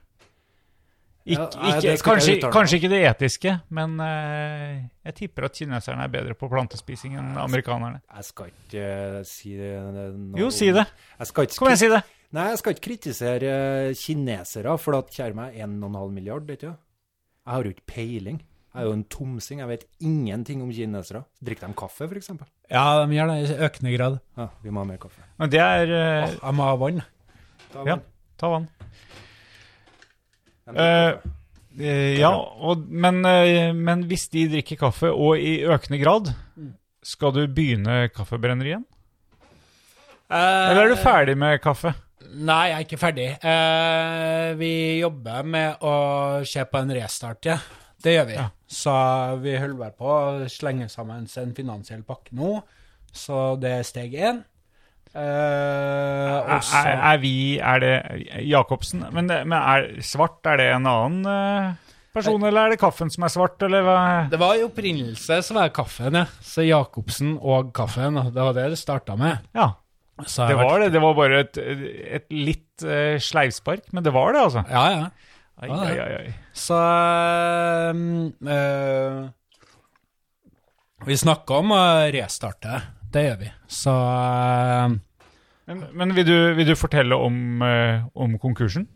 Er, eller har du føl følelser rundt det som ikke egner seg jeg på er helt Føl eh, følelsesløs? jeg, Nei, jeg er helt åpen. med. Jeg kan prate om alt, så det er null problem for meg. Okay. Hva var det som skjedde egentlig for 2017, var det? Det er tre år siden dere starta opp? Eh, 2015 starta altså, Jacobsen og Svart starta i 2012. Som et firma? Eh, ja, ja. Eller som en kaffebar? Nei, som et kaffebrenneri, da. Ok. I 2012 på Buran i Trondheim. Og så eh, i 2014 så åpna Eller så kjøpte jeg en større brenner og åpna første brenneriet, som har litt sånn større produksjon på. Vi skal gå videre, men tilgi meg at jeg kanskje ikke har fått det med meg. Men hva er et kaffebrenneri? Et kaffebrenneri er basically det som gjør til at kaffen blir brun, at du kan lage noe av kaffe. da. Så det vi gjør, er å ta en grønn kaffe, og så putter vi en kaffebrenner, som basically er en varmluftsovn. Altså de bønnene som var inni bærene? Ja, Du importerer dem? ja, ja. Og så legger vi dem inn i en kaffebrenner, tar ca. Ja, alt mellom 9 til 15 minutter etter hva du skal ha. Og så ut så kommer det kaffe. Brune bønner. Brune bønner. Så det er det vi gjør. Så steiker på en måte kaffen. Kan jeg gjøre det i stekeovn? Ja. Men du gjorde det litt større? Ja, altså, det er jo litt sånn hvordan de ulike Kaffe er jo egentlig ganske gøy, fordi at eh, det er jo en bitte liten grønn kaffebønne. Det er jo en ert, på en måte. Så, og det smaker jo som en ert. Eh, tingen er at når du påfører varme, f.eks. en skifte mellom kontaktvarme og varmluftsovn, varmluftsovn, og det gjør ulike ting med trykket i kaffebønna, som gjør til at eh, du får mer syre og mer sødme og sånne ting. Da. Så leker jeg med noen variabler, da. Så eh, Men det er lett å reprodusere. Ja Sånn Det er jo en del variabler, da. Hadde Eh, du peiling før du begynte med det? Hvordan du skulle produsere de forskjellige Nei, jeg kunne ingenting om kaffebrenning. Men det som var greia med jeg starta, var ingen som hadde peiling uansett. Så, for jeg sjekka jo, og snakka jo med kaffebrennere på den tida. Og det, alle var jo sånn, sånn som jeg drev, kaller det for voodoo science, da. De drev liksom med ting som jeg egentlig ikke helt skjønte at var, skulle gi mening, da. Det var liksom, ja, vi vi krekker den på øh, etter øh, første Rett før andre crack, og så bare Ja, OK. stammespråk? Ja, jeg skjønner ikke. Eh, og så bare tenkte jeg men faen heller, da, jeg prøver. Så jeg var det 13. kaffebrenneriet i Norge som åpna, da. 13., så du var på en bølge, da? Ja, vi, vi var før bølgen, egentlig. Så i dag er det jo faen meg snart 90, liksom. Eh, kaffebrenneri i Norge. Hvor stort lokale må du ha for det der? Nei, altså, du kan jo brenne kaffe på fire kvadrat, liksom. Eller én kvadrat òg, liksom. Det kommer helt an på hvor, hva du, hvor stort og Hva gjorde du, da? Du leide et lokale, eller? Ja, jeg leide baklokale på en frisørsalong. Og så øh, kjøpte jeg en kaffebrenner gjennom finn.no. Og så Og den kunne brenne to kilo, altså den var kanskje en meter høy, da. Så masse knapper og lys og luker og, greier, og jeg skjønte jo ingenting. Sa du åtte-ni minutter at det tar det? Ja. Så når jeg først skulle brenne kaffe, så eh, jeg ødela jo alt, skal jeg si. Jeg klarte å gjøre masse feil, da. Jeg feila jo på alt, liksom. Det er viktig å gjøre mange feil. Ja, det var det. Du lærer, da. Ja, det lærer som faen, vet du. Så da lærte jeg meg å bli glad i å gjøre feil, da. Så det har jeg blitt i ettertid. Så, um, og da um, jobba jeg liksom med å lære meg det her, og så etter hvert så skjønte jeg at liksom det hadde noe med lufta å gjøre, så jeg begynte å hacke et aircondition-anlegg eh, inn i den frisørsalongen. Så jeg kobla om lufttrykket og gjorde noe jævlig speisa greier. Så frisørene fikk ikke luft, og du fikk masse luft i kaffen din? Problemet er at uh, det her tenkte jo ikke jeg på for ettertid, men de har jo en del kjemikalier som er ganske heftige. Så at det ikke ble noen eksplosjoner eller noe greier, det vet ja. Visste de at du holdt på å hacke Ja, ja. aircondition. Nei, ikke helt. Kan du, i hele tatt søke på nettet om å hacke aircondition-anlegg? Nei, du må liksom drive og jobbe litt, da. Så det vi, vi holdt på å kødde med, da var liksom Vi uh, sier du var hvor mange, da? Uh, Da var jeg med og en fyr som var ingeniør, som hadde noen sånne kule eksperiment. da. Så det ene vi gjorde, var å fylle opp hele rommet med fukt. Så vi hadde sånne fuktgreier. Uh, Veldig bare- bra for konstruksjon. Ja, det var utleiers drøm. her. Så vi peisa på så mye humidity vi bare klarte, og så brente vi kaffen, og så så vi hva det gjorde. Og da skjønte vi at liksom kaffen smakte jo bare dritt, liksom. Så vi skjønte at liksom vi må ha tørrluft. Så gjorde vi omvendte, så ut med humidifier, inn med en uh, dehumidifier, så vi skulle ta bort så mye fuktighet som mulig. Og da skjønte vi jo at liksom, ok, det er en, en grense på hvor tørr lufta kan være. Så ergo vi begynte å skjønne at hvor mye luft og øh, øh, Eller hvor mye på en måte hydrogen det er i, eh, i lufta, påvirker hvor, hvordan kaffen begynner å smake. da. Så vi begynte å skjønne det ganske tidlig, og det var ganske utslagsgivende. Og så begynte jeg å skrive artikler om det her, og så viser det seg etter hvert da, at eh, folk begynte å plukke opp det her over hele verden. Du begynte å skrive artikler. Ja, ja. Droppa ut Ja, helt random. Videregående. Ja, ja, ikke sant? Så jeg begynte å legge Hvor, hvor publiserte de her på, på nettsida mi. Ja. Uh, og så uh, begynte jeg liksom å gjøre min egen research, da. Så begynte jeg å bli ganske Skjønte jeg etter hvert at jeg var på sporet av noe. Ja. Og så begynte liksom å komme noen eh, folk da som skrev bøker etter hvert, da. Og så testa vi deres teorier, og så skjønte vi at faen, det, det her stemmer jo ikke helt, det heller. Så begynte vi å Hva er testen, da? Er det tunga og lukt og smak? ja. ja. Dere sjøl som er metere, eller Måleinstrumentet? Ja, og så kan du, må du jo være veldig vitenskapelig. Da. Altså, du må jo på en måte ikke skape noe bias rundt det. Så vi ville jo ta noe Vi ville jo ikke at liksom eh, folk skulle jukse. Nei. Så for oss så var det veldig viktig at forbrukerne faktisk kjente en forskjell. Så vi jobba veldig mye med forbrukerne våre, og så finne ut liksom hva er det du setter pris på, og hvor, hvordan kan jeg gjøre det bedre. Så vi liksom brukte en sånn taktisk greie der. Hvem var kundene, da? Uh, hovedsakelig mellom 23 til 55 år, med tyngde på uh, I kaffebaren 23 til 35. Uh, Var det en kaffebar der dere hadde brenneri òg? ja. Ok, så dere solgte kaffe som du kunne kjøpe og drikk der? Mm. Ta med opp Ja, ja. ja. Og så kunne også til um, de eh, hotellene og restaurantene og kaffebarene vi solgte til, så prøvde vi å liksom naile hvordan vi kunne få det til å smake bra over lang tid, da. Så da jobba vi en del med um, å utelukke feil, da. Sånn for eksempel eh, da begynte vi å tenke egentlig litt på en måte kommersielle kaffebrenneri gjorde, men vi ville ha så mye smak som mulig.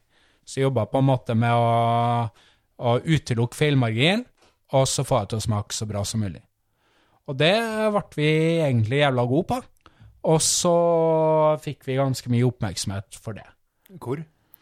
Nei, eh, vi ble jo skrevet om da, i flymagasinet i Japan at det ble anbefalt å stikke innom Jacobsen og Svart eh, i Trondheim, liksom, for en kaffe. Bare fly. Halv, halve jorda rundt. Stikk en tur. Kaffe. Det var ikke noe info på Klæberuta. Jeg har jo aldri vært der. Nei. Uh, så, så jeg fikk en del internasjonal uh, oppmerksomhet. Og så var vi jo omtalt i Lonely Planet, og ja. Du og han ingeniørkompisen din. Ja, ja. Ja, men, men det skjer jo på en måte ikke av seg sjøl. Det må jo ha vært noen som har hjelpa dere dit, eller? Ja, ja, altså det jeg så, gjorde da, eller eller- skjønte veldig tidlig, var jo at jeg måtte ha et team rundt meg. Så jeg bygde jo et team. Og så var det dem som var ansatt, som hadde sine funksjoner. Og så var det dem rundt, da, som kunne hjelpe meg med bedriftsmessige, de tekniske utfordringene og sånne ting. Så det var jo på en måte et team. Jeg, jeg syns jeg leste at du for å sykle rundt i byen og leverte Ja, ja. kaffe. Ja, jeg er back to scratch nå. Nå er det det jeg gjør. Så nå brenner jeg kaffen min eh, på Inderøy, i- på Øverbakken. Og så, eh, når jeg får det til På Inderøya. Ja, Ok. så der er jeg et kaffebrenneri, ja. Så, det, så nå har vi et samarbeid med dem, eh, sånn inntil vi får opp produksjonen sjøl.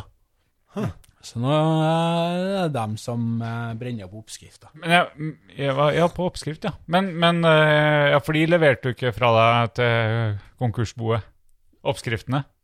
Eller har du de i huet? De, dem har jeg i huet, Ja. og dem kan jeg fint dele, liksom. Det er ikke noe problem, det. Altså, for det er ikke noe sånn at det er en sånn mirakelkur uansett. Det er litt som eh, hvis jeg deler liksom eh, beste måten å lage en and på, liksom, så er det ikke sånn at du automatisk kan replikere det. Fordi at eh, det er en del x-er uansett. Ja. Det er liksom, Når Hellstrøm gir meg en oppskrift, så blir ikke jeg Hellstrøm. Nei, det gjør ikke det. vet du. Nei. Fordi eh, han har en del know-how som er sånn gitte know-hows, Mm. som du mest sannsynlig ikke har, ikke sant? Det er mest sannsynlig. Ja. Så eh, Men, men du, eh, jeg har veldig lyst til å høre om den konkursen. Altså. Nei, men kronologisk, da. Vi kommer til konkursen. Kommer vi til det? Du, vi, når skal du til konkurs, egentlig? du, ah, Vi er, vi er fortsatt på Buran-opplegget, som jeg aldri fikk med meg, som Japsan fikk med seg. ja. Og så ekspanderte dere. Du laga et team. ja, eller eh, jeg laga et team allerede da, som fungerte ganske bra. Og så begynte jeg å jobbe med å eh, få et nytt brenneri som var større. Da kunne dobla vi eh, Nei, vi seksdobla produksjonen når vi flytta på Nardo. Og da delte vi lokalet med Cielo og disse sjokoladefolkene. Ok. Så tolv kilo kunne plutselig brenne. Ja, om gangen, ja. Så produksjonen gikk jo opp eh, ganske mye, da. fra 100 kilo per måned til å kunne produsere eh, opp mot ja, på en fullskala kanskje fire-fem tonn da, i, eh, i måneden, liksom. Fire-fem tonn kaffebønner. Ja. Ferdig brente kaffebønner. Mm. Uh, uh, jeg, jeg, nå begynner jeg å bli redd for å høres veldig dum ut, men én type bestandig? Eller var det da fem tonn med forskjellig Veldig mye forskjellig. Veldig mye Så jeg blanda hele tida. Okay. Eller kjøpt fra forskjellige gårder hele tida. Ah. Så i 2015 så fikk jeg tilbud om å åpne på Adressa-lokalet. eh, fra en av dem som hadde tegna hele Adressa-bygget, og som på en måte kjøpte tomta og skulle bygge på tomta, og så skulle de selge videre. Rett ved brua der? Ja. Der det var noen fine tegninger på fronten en gang? Så. Ja, stemmer. En der inne, Jo, jeg tror det. Ja, og, og lokalet, var, det, var ikke det ut mot den rundkjøringa, eller ut Jo, der? stemmer. Ned i første etasjen der. Yep. Så der holdt dere til? Ja. Eller fikk da innpass? Ja, vi fikk innpass der. Så kobla vi oss opp mot eh, Fikk vi nyss i at det skulle eh, At det var noen som hadde lyst til å starte en eh, radiostasjon. Altså Bård Danielsen hadde lyst til å starte en radiostasjon, Radio Trondheim. Så ja. sa vi at hvis dere flytter inn, så skal dere få eh, muligheten til å drive eh, der. Og så får vi en jævlig kul symbiose. Radiostasjon og kaffe hmm. eh, Kafé er ikke her, da? Eller? Nei, det ble en kaffebar. Altså, vi jobba med å definere hva en kaffebar var, og der måtte jo vi eh, gjøre en god del research, da. Ja. Så, og det jobba vi jo ganske heftig med. Liksom, skal vi ha suppe? Nei, vi kan ikke ha suppe, for det funker jævlig dårlig med kaffe. Eh, Sitte og så- slurpe i alle hjørner. ja, ikke sant? Så, og så liksom, vi måtte jo være et kaffebrenneri, så når vi starta, så hadde vi en kokk, faktisk, som laga fancy smørbrød til folkene. Da hadde vi liksom laks derifra, og med bla, bla, bla, og ja, masse fancy greier. Og da ble, gjorde vi den greia, på en måte. Og da ble vi på en måte mer eller mindre begynt å markere oss som en lunsjplass. Problemet vårt var at publikummet vårt visste ikke hvordan et kaffebrenneri skulle fungere. Så vi Jeg trodde publikum her nå var hoteller og folk som kjøpte inn stort. Ja, det er brenneriet, da. Eh, og brenneriet eh, måtte jo på en måte markedsføre seg gjennom kaffebaren. Fordi at vi hadde jo ikke på en måte tatt så mye av volumet i Trondheim på det tidspunktet her. Og Dere hadde konkurranse?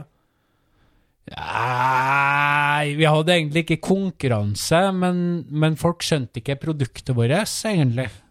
Så, fordi de skjønte ikke helt hva det her var, ikke sant? Hvorfor skal de betale mer for en kaffe og liksom Eh, Kan jeg spørre hvor mye du betalte for en kaffe? da? Den eh, billigste kaffen, hvis jeg kommer inn og spør om det? Kjip som jeg er. Ja, ja, herregud. eh, Det billigste råkaffen vi kjøpte inn, kosta 40 kroner per kilo. Vil, hæ? hæ?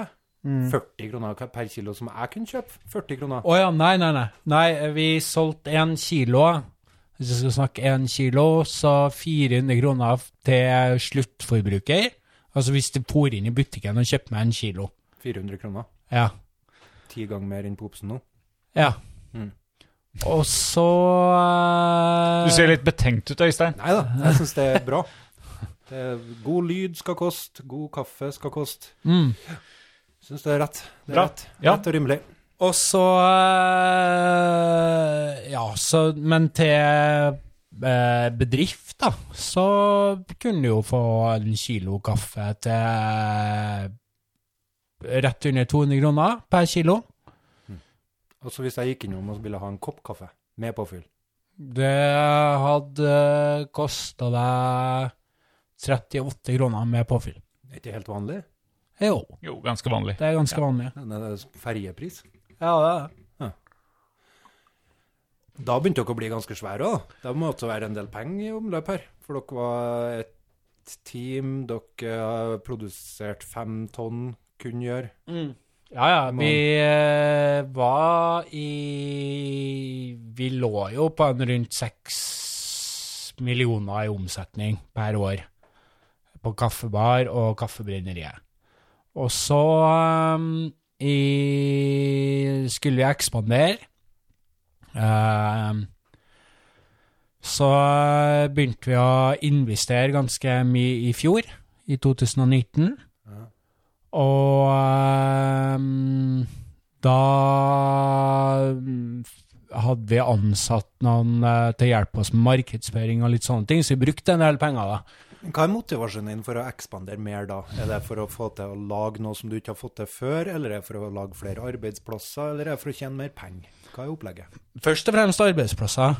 Fordi det er jo en ganske viktig faktor for oss. Ja. Eh, fordi ønsket vårt er jo at det skal skape eh, gode, trygge arbeidsplasser.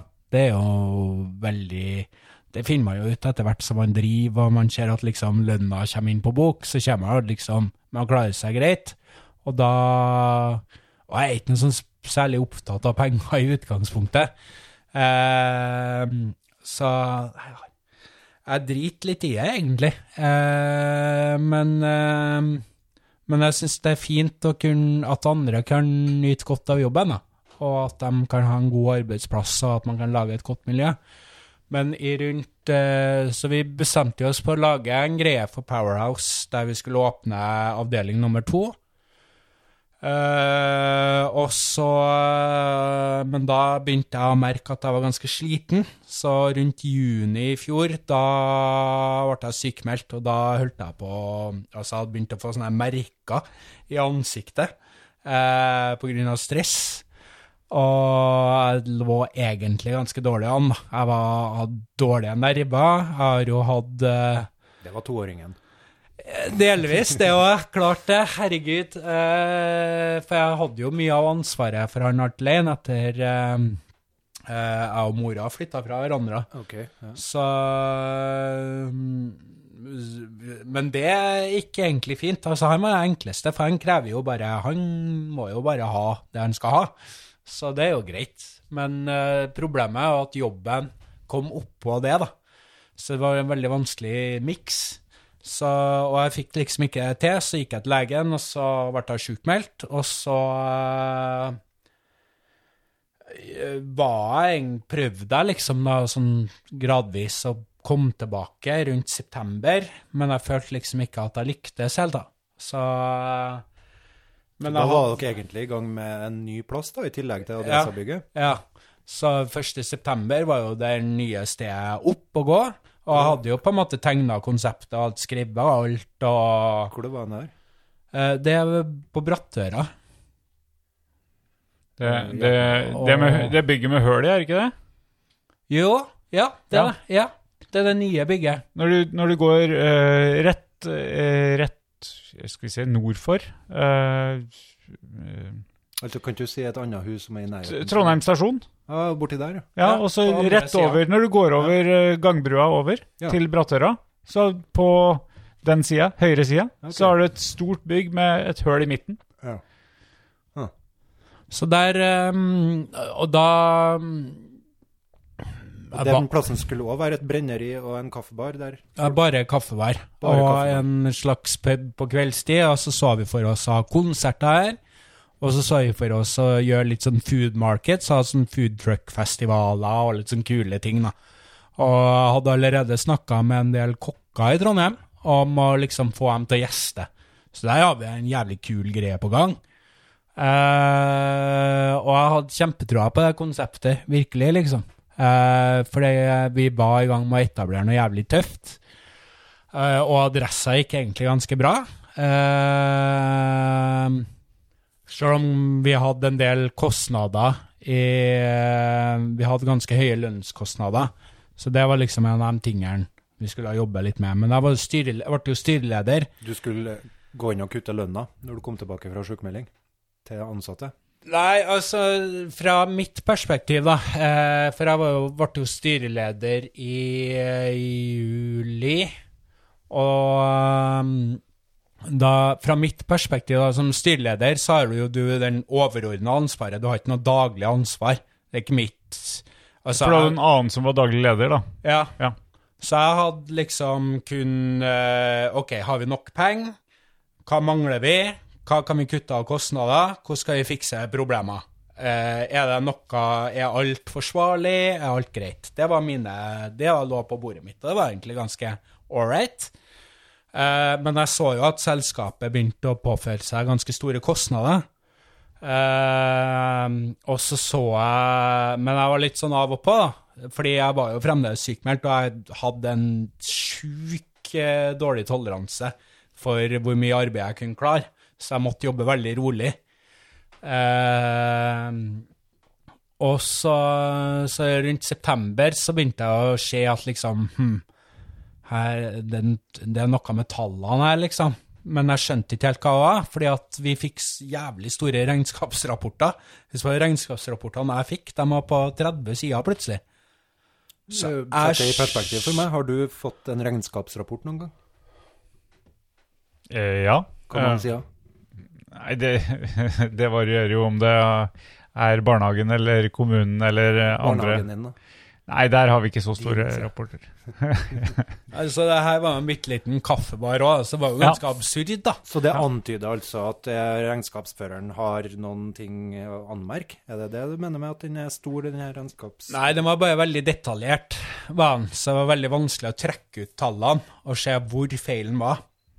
For jeg, så begynte jeg å skjønne etter hvert, da, for jeg hadde jo ikke noe erfaring annet enn den erfaringa jeg har lært opp gjennom tida. Ja. Men tall var, har alltid vært en av de sidene jeg var dårligst på. Oi! Problemet mitt var at jeg har alltid hatt en god magefølelse for tall. Så når jeg har på en måte operert til drift, så har, det vært, så har jeg skjønt liksom OK, det må vi kutte nå. Fordi nå vet jeg at nå kommer mai, og da er det en liten spike opp på rundt 17. mai, og så, men så roer seg. Så er resten av den måneden ganske rolig. Så da, for da har folk brukt opp pengene sine og sånne ting. ikke sant? Så jeg hadde liksom en god oversikt, da. Men nå hadde jeg jo to avdelinger. Og jeg var jo ikke der, for jeg var jo sjuk.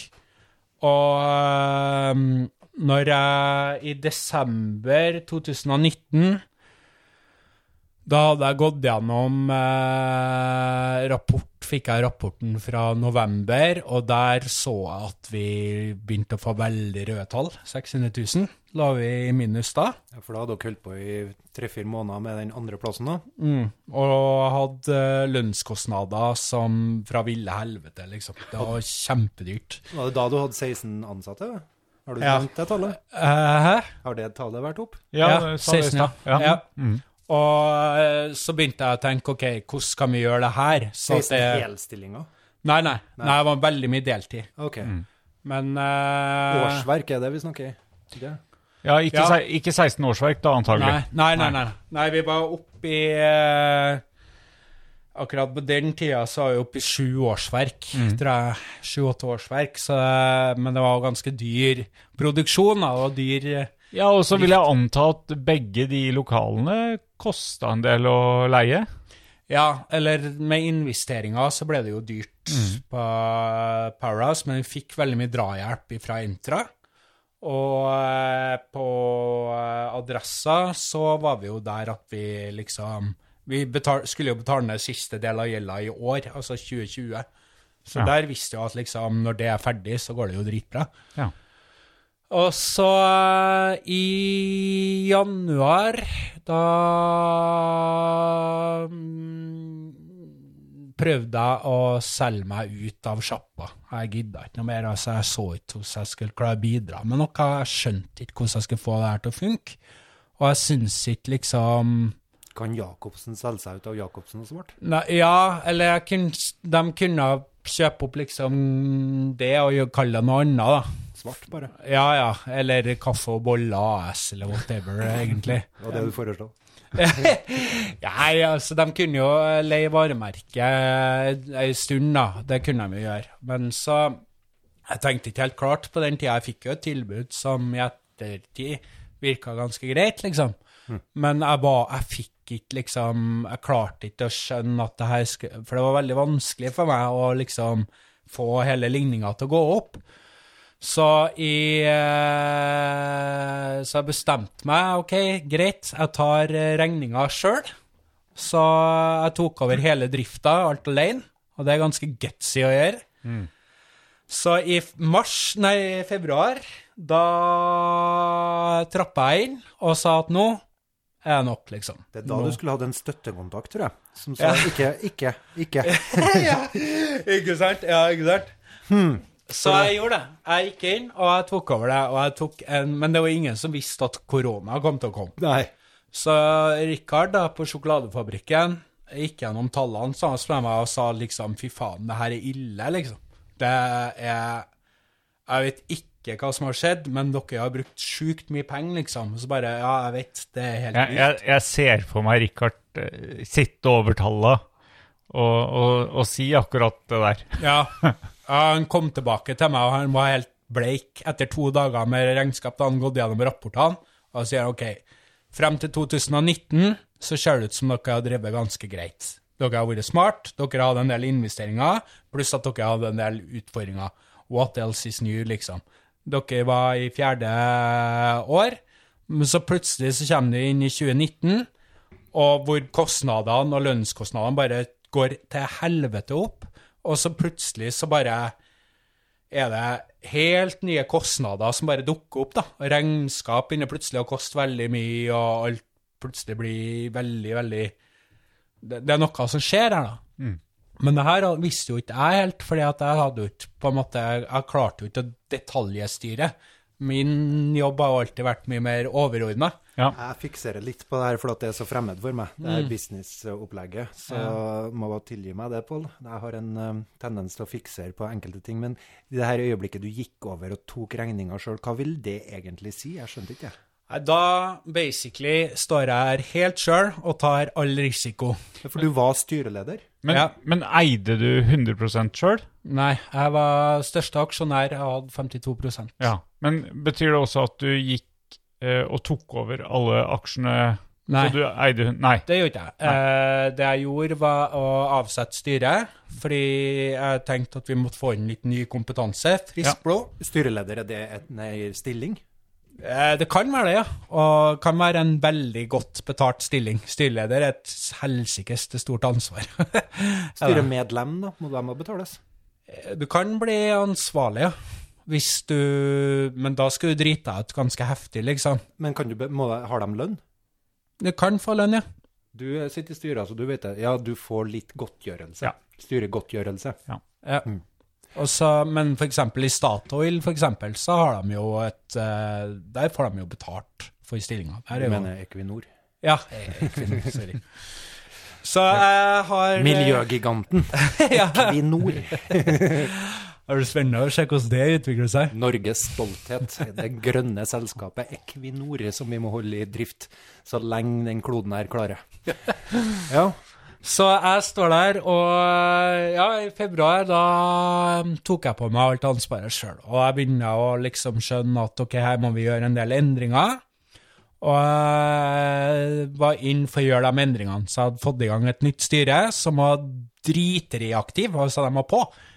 Så plutselig så hadde jeg gått ifra et styre som, var, som satt på langsomme avgjørelser, som var veldig godt, eh, til å få et eh, styre som plutselig bare tok avgjørelser sånn. Kjempefort. Så ting gikk veldig kjapt, og vi var veldig responsive. Men hva slags endringer var det dere så på, da?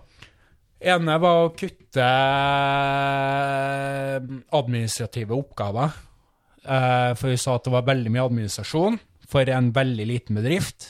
Og vi så at eh, var eh, Vi hadde ikke noe ønske om å begynne å skjære ned på dem som jobba bak baren, for det så vi på som liksom Det var litt mer sånn, Vi visste jo ikke helt hvordan arbeidsflyten og arbeidshverdagen deres var enda, så vi hadde ikke kommet oss dit ennå. Eh, og de hadde jo selvfølgelig sin oppfattelse av saken, så når jeg plutselig kommer inn der og bare Hei, nå skjer det noe, liksom. Og klart det. Herregud, det er jo ikke en avgjørelse man tar for å være populær, det er en avgjørelse man tar for å Man må bare, liksom. Vi, hvis, man kan ikke putte bensin på Titanic, liksom. Å være leder er ikke en popularitetskonkurranse, sier han eh, Mood på foredragene sine. Ja, jo, noen ganger så er ikke det, og, men helst så skal man jo ha folket med seg, da. Det sa Hitler òg. Uh, ja, absolutt. Så, så jeg tok eh, kontrollen, og jeg sto her, og eh, eh, så eh,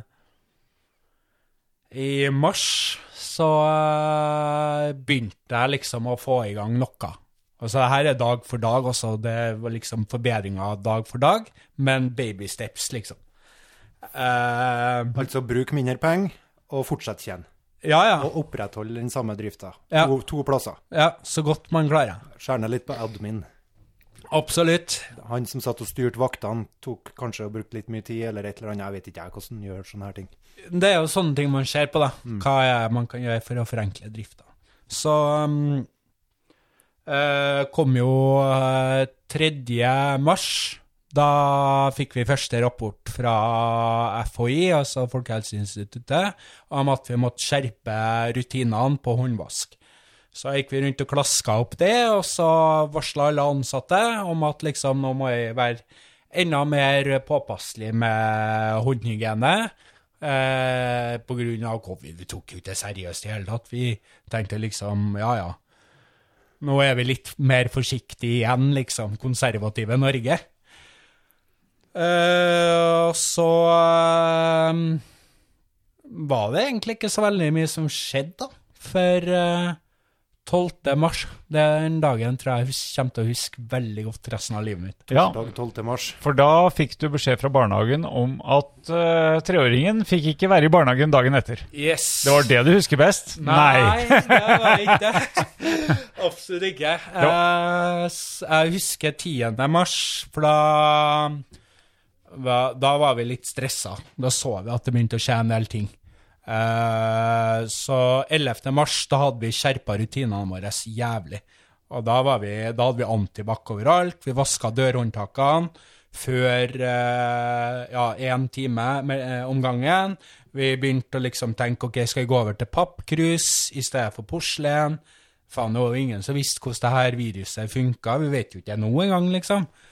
Så vi, vi var skjerpa ganske mye. Så 12. mars sto opp, gikk på jobb, følte at jeg hadde god kontroll, og ser den ene e-posten og andre telefonen etter den andre, nervøse ansatte, som er eh, Vi hadde jo tatt inn en del mennesker, annet fra Nav, som vi uh, hjalp til å få ut i arbeidslivet. Eh, vi så at liksom folk begynte å falle tett hetta, da. Eh, så der satt jeg, da, Uh, og liksom OK, det her må jeg faktisk bare få kontroll over. Hva gjør jeg? Og um, jeg tror klokka fire den dagen der, da var jeg så glad for at den dagen der var over, at jeg bare Og da begynte jeg nesten å Da så jeg at liksom OK, nå har vi en kjempeutfordring. Uh, For du tenkte du skulle drive videre, du, da. Ja, ja, ja. Så det er alt du dreide seg Den dagen dreide seg om å legge til rette for å kunne drive videre? Ja, eller vi tenkte for Akkurat da så var konsentrasjonen bare hvordan kommer vi oss gjennom covid? Hva faen er det her, og hva kan vi gjøre? Og hvordan skal vi hva, hvordan, Vi visste jo ikke hvordan det vil påvirke drifta. Kaffe til folket. Ja, ja, ja. Og du har nettopp begynt å få litt kontroll på Mm. drift i vanlig Ja, ja. gjenge. ja. Så um, 5. mars, da Nei, 15. mars, da sender vi alle på permittering, og jeg er eneste som ikke er permittert. Så jobba vi, hadde vi ansatte frem til 17. mars, og da, etter det, så var jeg helt alene. Og da eh, Ja, hva skal man gjøre, da? Man måtte nå bare forholde seg til regelverket, da. Og det første jeg tenkte, var at ok, da får nå jeg stille på jobb, og jeg skal prøve så godt jeg kan, og liksom holde Og holde åpent. Holde åpent, ja. Ja. For det var jo lov, det. Én Ja. plass eller to plasser? Nei, én. Vi måtte stenge Powerhouse, da. Men det, der hadde jo Det var jo mye kontorer og sånne ting. Og Pirbadet og alt det her. det var De hadde jo gått hjem alle sammen. Alle hadde gått hjem. Så det var ingenting å gjøre. Gikk det greit der før? Ja, vi begynte å gå, å gå oppover, faktisk. Så der var jeg Vi hadde en veldig god eh, avdelingsleder på, eh, på Powerhouse som virkelig fikk ting til å skje, da. Ja. Så det var ting begynte virkelig å gå bra. Så Men jeg står der helt alene, og um, dama ble jo permittert fra jobb, så hun er med og hjelper meg. Så vi brukte jo tida smart, vi. Begynte å rigge om, og jeg klarte å fiske en kontrakt eh, på å brenne eh, Ja, det var litt tonn kaffe, nærmest, som jeg skulle levere til en kunde. Så jeg hadde god økonomi gjennom mars. Så jeg hadde jo liksom bare, bare fiksa ting. Så omsetninga i mars for meg var jo lik den omsetninga jeg hadde, hadde eh, måneden før. Så jeg hadde jo 740 000 kroner inn. Så for meg så var Og og jeg hadde jo basically alle andre han hadde fått lønna si frem til 15., og da var det jo bare meg. Så plutselig så ser jeg at hei, her hjelper jo litt, Mm. Så går jeg inn imot april, og da begynner ting å liksom eh, Total shutdown. Ting var vanskelig. Eh, men vi fikk veldig mye støtte fra de fantastiske gjestene våre. De kom og handla kaffe i bøtta og spann, og de hjalp oss med å opprettholde eh, reglene. Og de var dritkule med oss, egentlig. Og eh, de tok avstand og sto og venta i kø, og det var ikke noe problem, liksom. Og så måtte vi opp på tometersregelen. Det klarte vi å opprettholde veldig bra. Og vi klarte å liksom opprettholde rutinene, vi klarte å vaske bord, vi hadde ingen problemer her. Uh, og eh, da hadde vi begynt å få inn nye møbler, vi hadde klart å liksom uh, fått shina sjappa ganske bra. Og så kom vi til mai, og da tenkte jeg liksom nå må jeg begynne å snu. Nå blir det snart litt finere vær, og virus og finvær, det For utgiftene, de gikk. Ja, ja. Det gjorde de. Så Faste utgifter, de slutter ikke. De gjør ikke det. Men Så inntektene dabba litt av.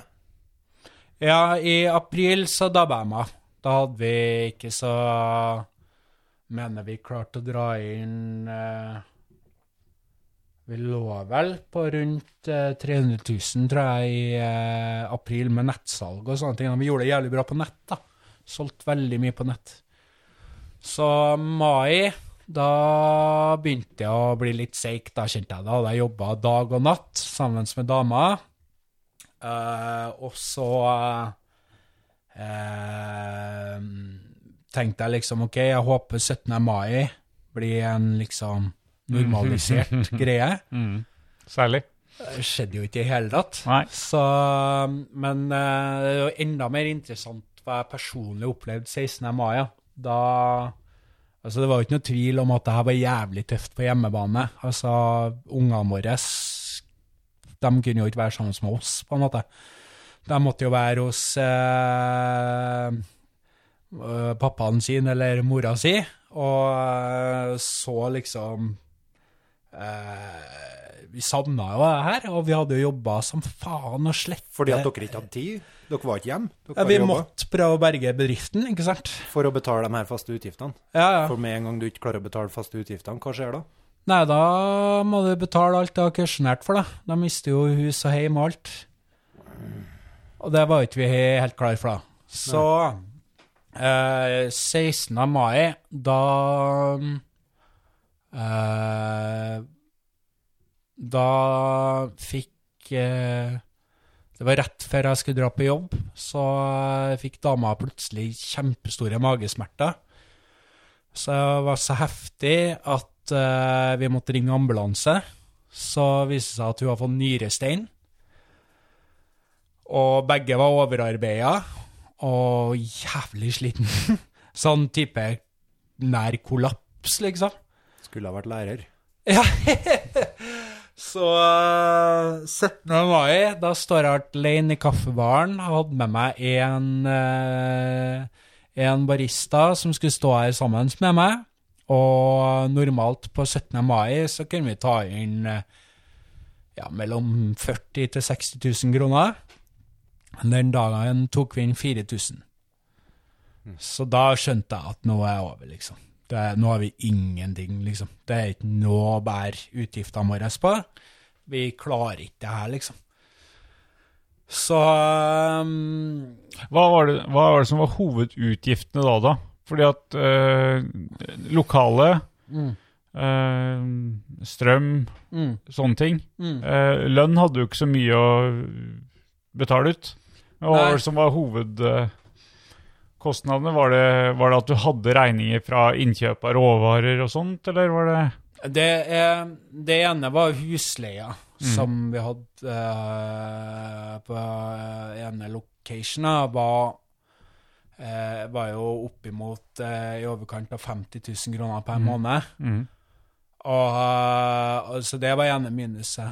Og det andre var jo at vi hadde ganske heavy regnskapskostnader. Ja. Og de ble høyere under covid av en eller annen merkelig grunn. Så det er litt rart. Mm.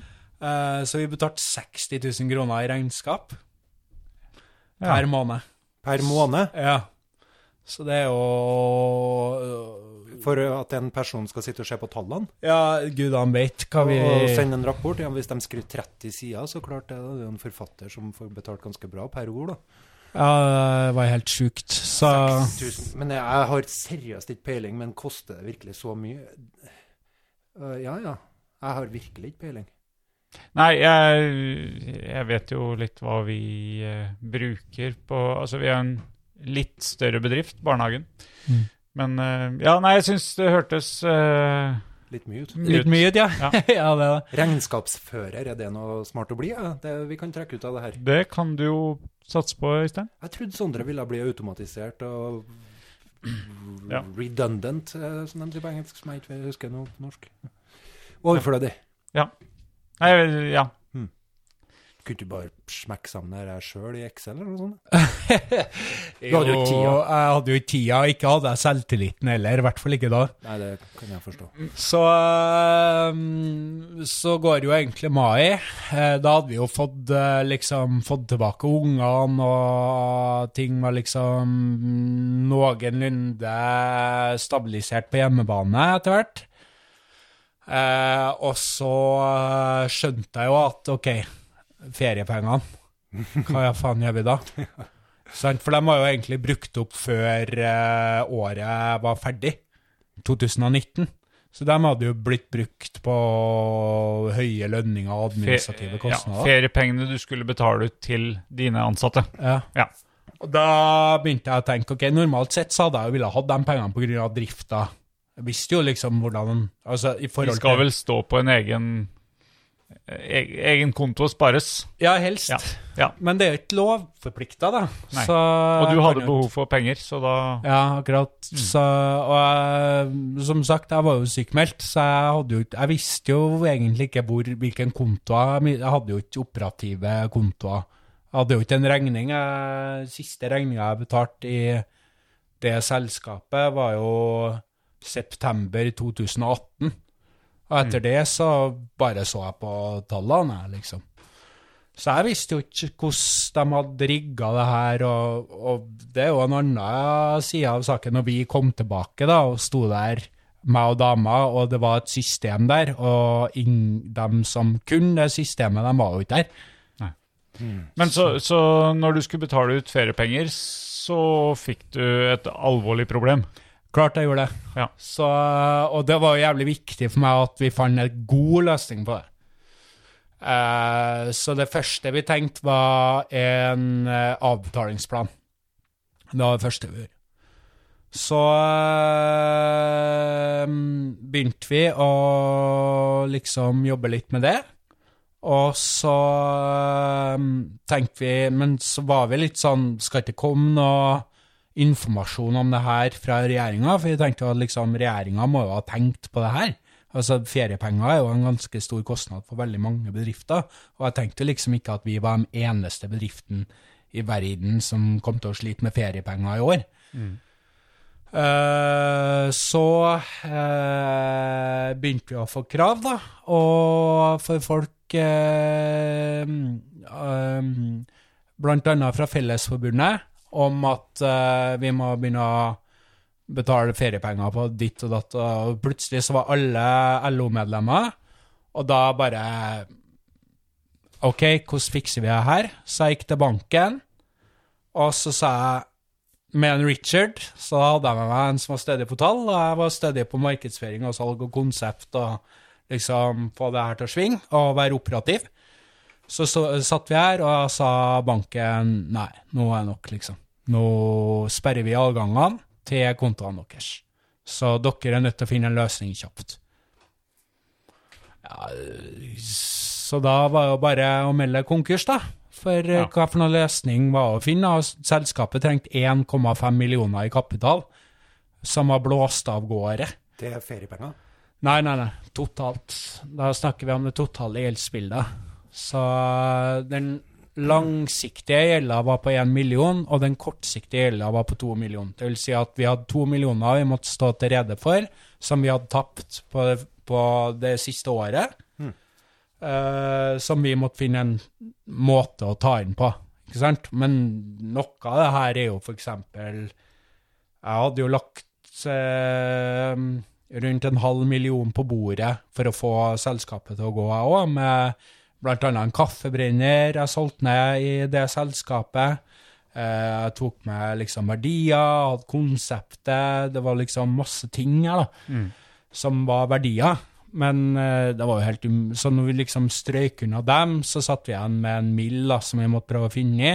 Og da tenkte jeg liksom, det er ikke noen som vil investere her nå. Det er alt for mye. Vi har jo ikke kontroll sjøl engang, liksom. Vi vet jo ikke Altså, vi prøvde jo å komme oss ut av kontrakter som var skrevet som var femårskontrakter, på utstyr som jeg skjønte at vi skulle ha.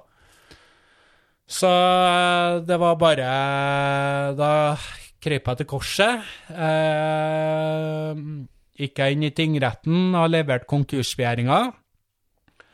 Og Richard, den raceren som han var, han skulle jo virkelig prøve å hjelpe meg, da. Så han satte jo i gang det systemet for å prøve å få i gang noe kapital. Eh, men så skjønte vi etter hvert at liksom, ok, vi må ha litt sterkere konsept før vi kan komme tilbake. Eh, og vi mangla liksom en del kapital, da.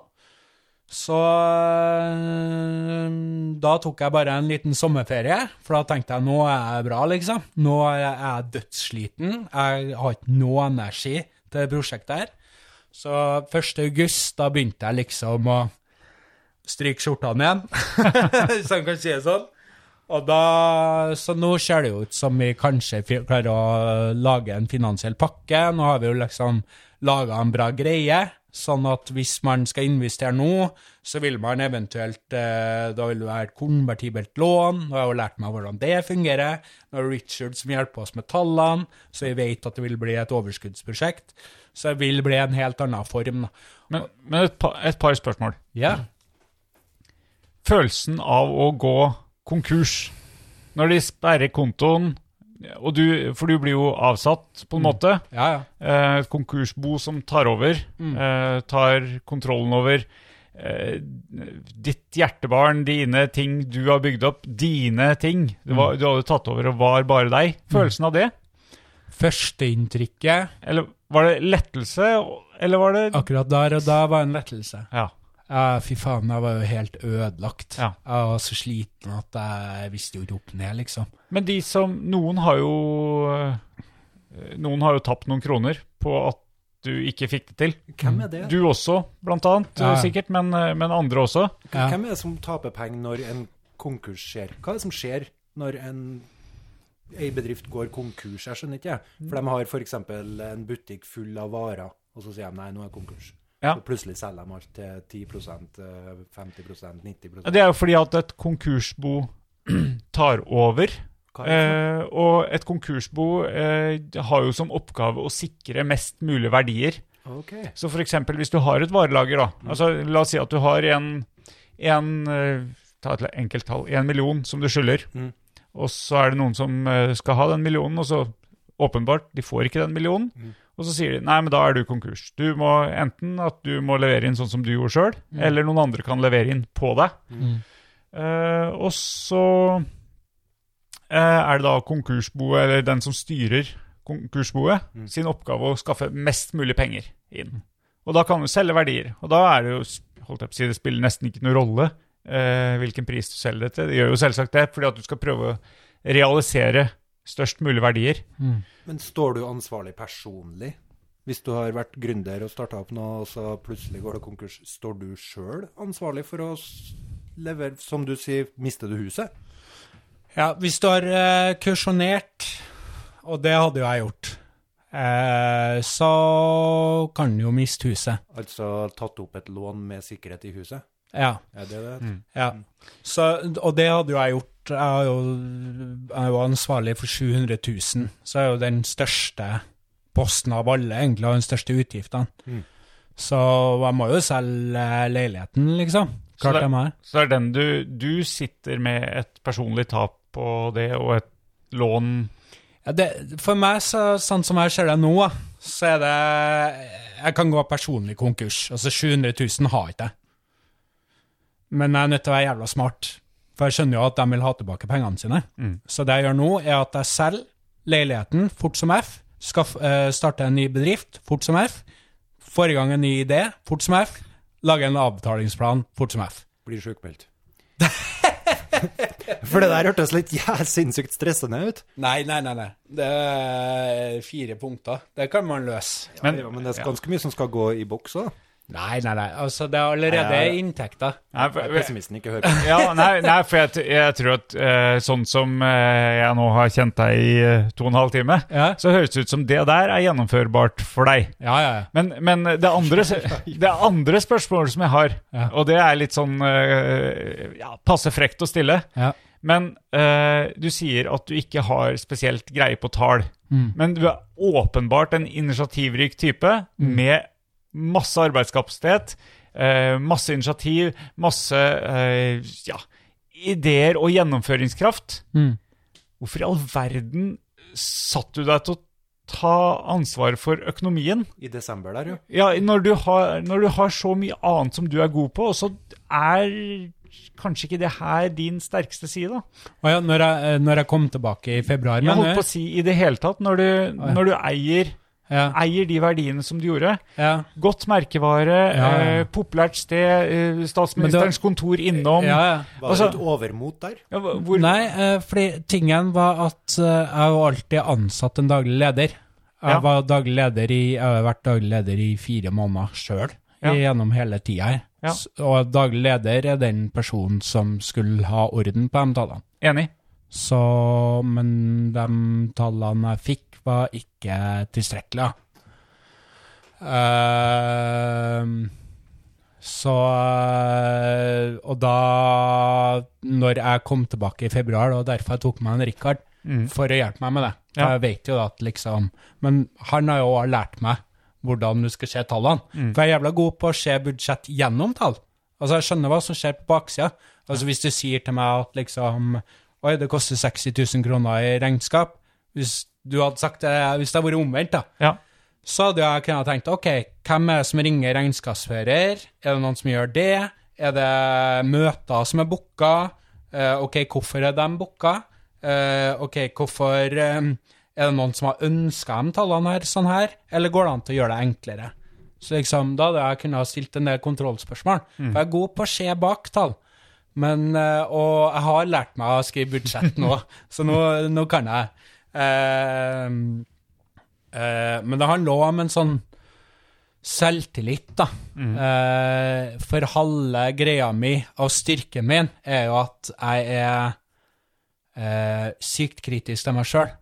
Eh, for jeg vet jo at jeg kan egentlig å se på tall, men jeg er veldig redd for å på en måte drite meg ut. Så jeg liksom Jeg har den frykta i meg. da. Ja. Så, men så vet jeg hva jeg er god på. Jeg er jævla god på å samle folk, jeg er jævla god på å liksom syrpe sammen et konsept, jeg er god på å navigere. Eh, jeg vet at when the shit hits the fan, så finner jeg tusen løsninger, og det har jeg gjort mange ganger, liksom. Et av mine favorittuttrykk. When the shit hits the fan. Jeg ser det for meg.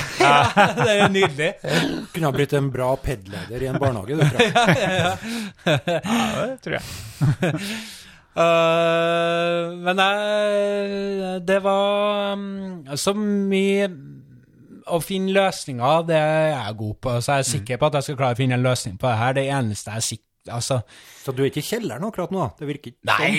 nei, nei, nei, nei, Nei, det virker absolutt ikke sånn. Nei, ikke faen. Jeg har vært i kjelleren, nå er jeg ferdig.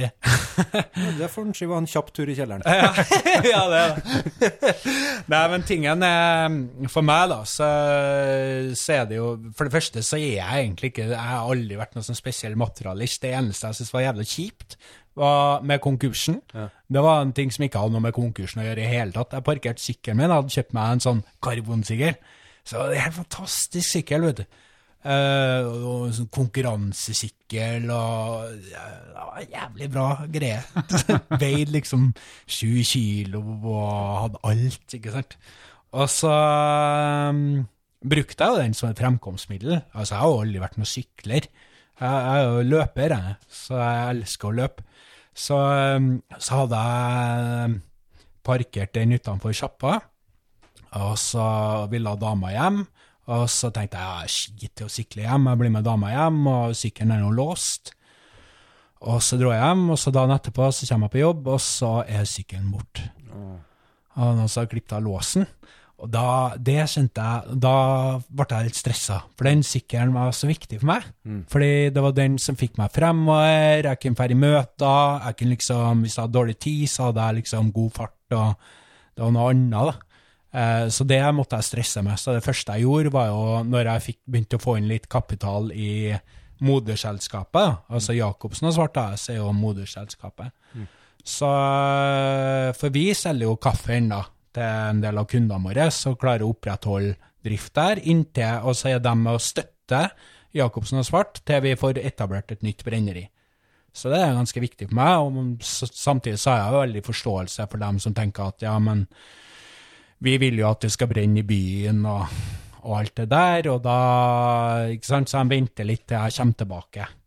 Så, um, så da, um, men det, da var det liksom viktig for meg å kjøpe den sykkelen, altså når jeg endelig hadde nok cash til å kjøpe den sykkelen, så var det liksom, ok, da må jeg finne den sykkelen. Så da fant jeg en sykkel, og da ble plutselig sykkel litt sånn, oi, det her må jeg teste ut. Så da kjøpte jeg meg liksom eh, sånn eh, spesialpedaler med sko og alt mulig sånt, og begynte å sykle meg lange turer. da. Begynte å nerde litt på sykkel. Ja, men jeg føler sykling er litt for mye Det er for mye pikkpakk for meg, altså. Det er for mye dilldall. Altså, du må være god på pedaler, og så må du ha liksom en sånn bleiebukse og Faen, det er så mye styr! Det er mye styr, ja. Ja. Altså, altså, jeg syns først og fremst du kommer altfor fort fram for, og altfor langt. Ja. Altfor fort fram. Det, det, det er praktisk, da. Ja, det er det.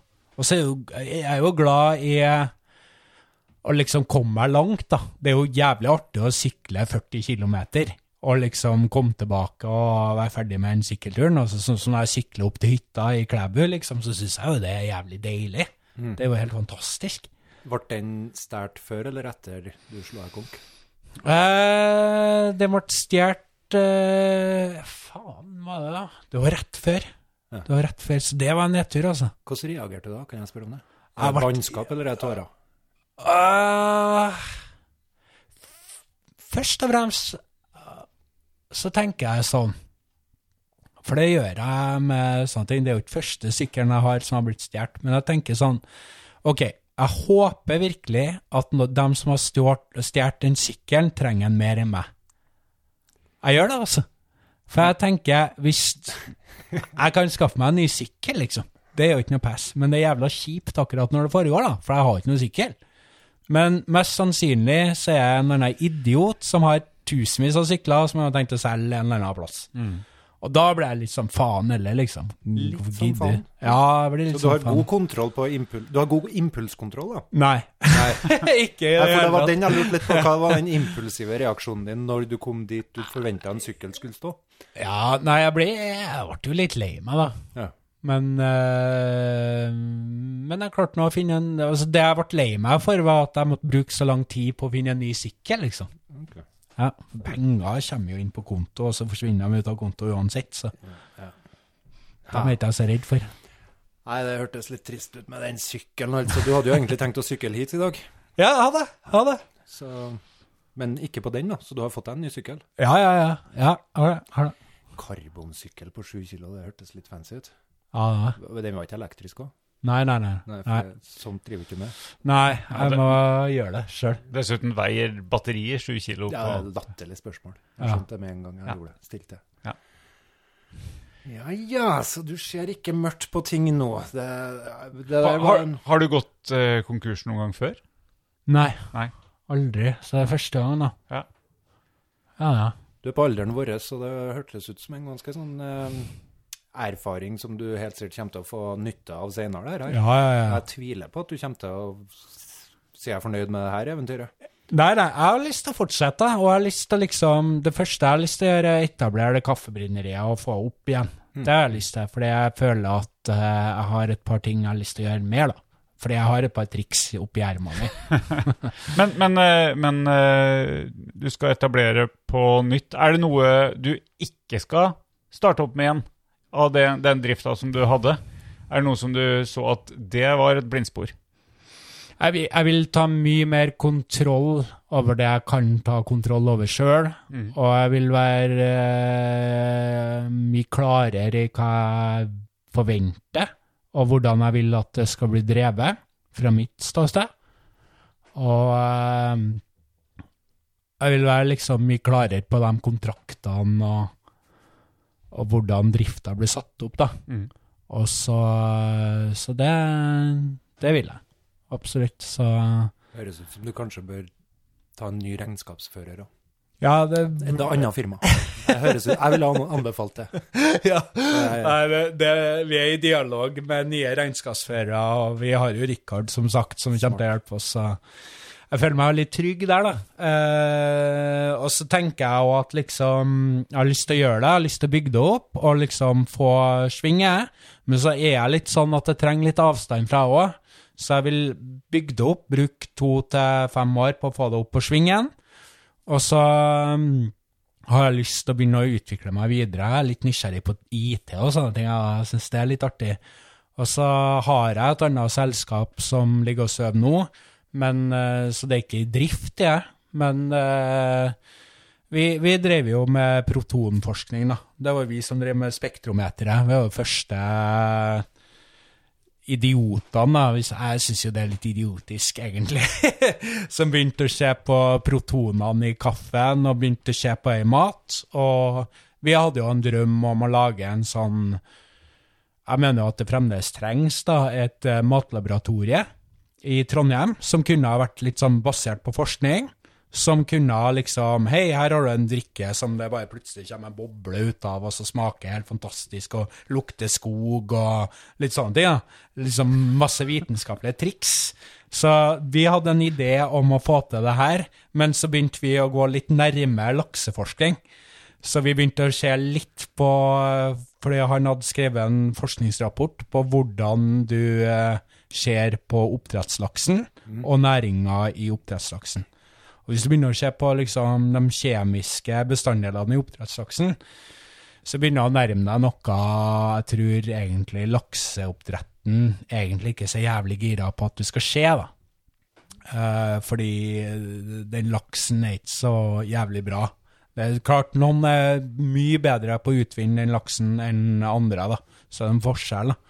Men vi begynte å nærme oss det, og vi ble jo nedringt av advokater en periode, fordi at vi hadde gått litt ut da, med, mot oppdretten. Men altså, planen vår var jo aldri å fucke opp noen ting som helst. Altså, jeg vet jo det at liksom, hvis jeg skal gå og si at hei, det dere holder på med, det, kan det er drit, liksom, dere kan gjøre det her tusen ganger bedre hvis dere gjør det sånn, det er en jævla dårlig tilnærming til ting. da. Jeg tror det er mye bedre å liksom si hei, vi sitter nå på greia her, vi kan hjelpe dere, hva kan vi gjøre for å forbedre produktet, sånn at det blir mye mer konsumervennlig, og at det blir på en måte har en bedre helsemessig effekt. da.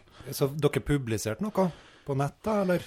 Som dere ble eh, oppringt av uh, den gigaen? Vi var med på noe som het for um, uh, Hva heter det? Det het for uh, Det var en ny messe da, som liksom skulle være for litt sånn innovative bedrifter. Eh, så var vi plukka ut som en av de få startupsen som hadde liksom et konsept. da. Mm. Uh, Foodscape, tror jeg heter noe sånt. Og der var jeg sånne laboratoriefolk og sånne lakseoppdrett og Mm. de greia der. da. Og så lanserte vi forskninga vår med hvor mye informasjon vi kunne dra ut av mat. da.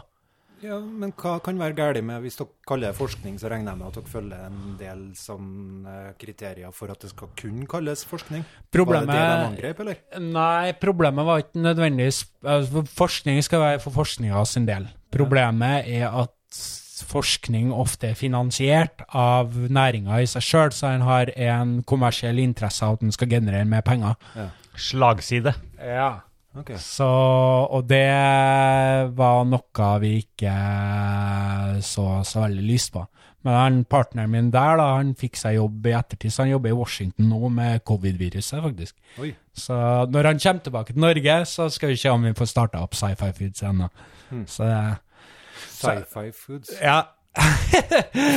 og vi har en hatt den uh, tackieste 80-tallslogoen i verden, liksom. For vi, grunnen til at vi gjorde det her, var jo fordi at vi syntes det her var jævla artig. Altså, jeg vet om ting, han vet om ting, og sammen så kunne vi få til jævlig mye kult. Men, men øh, det ligger vel et ønske om en å tjene noe penger her på Ja, det? Hva, ja. hva, hva er forretningsideen? Hva er det, Forretningsideen var bortsett fra den bobla som smaker?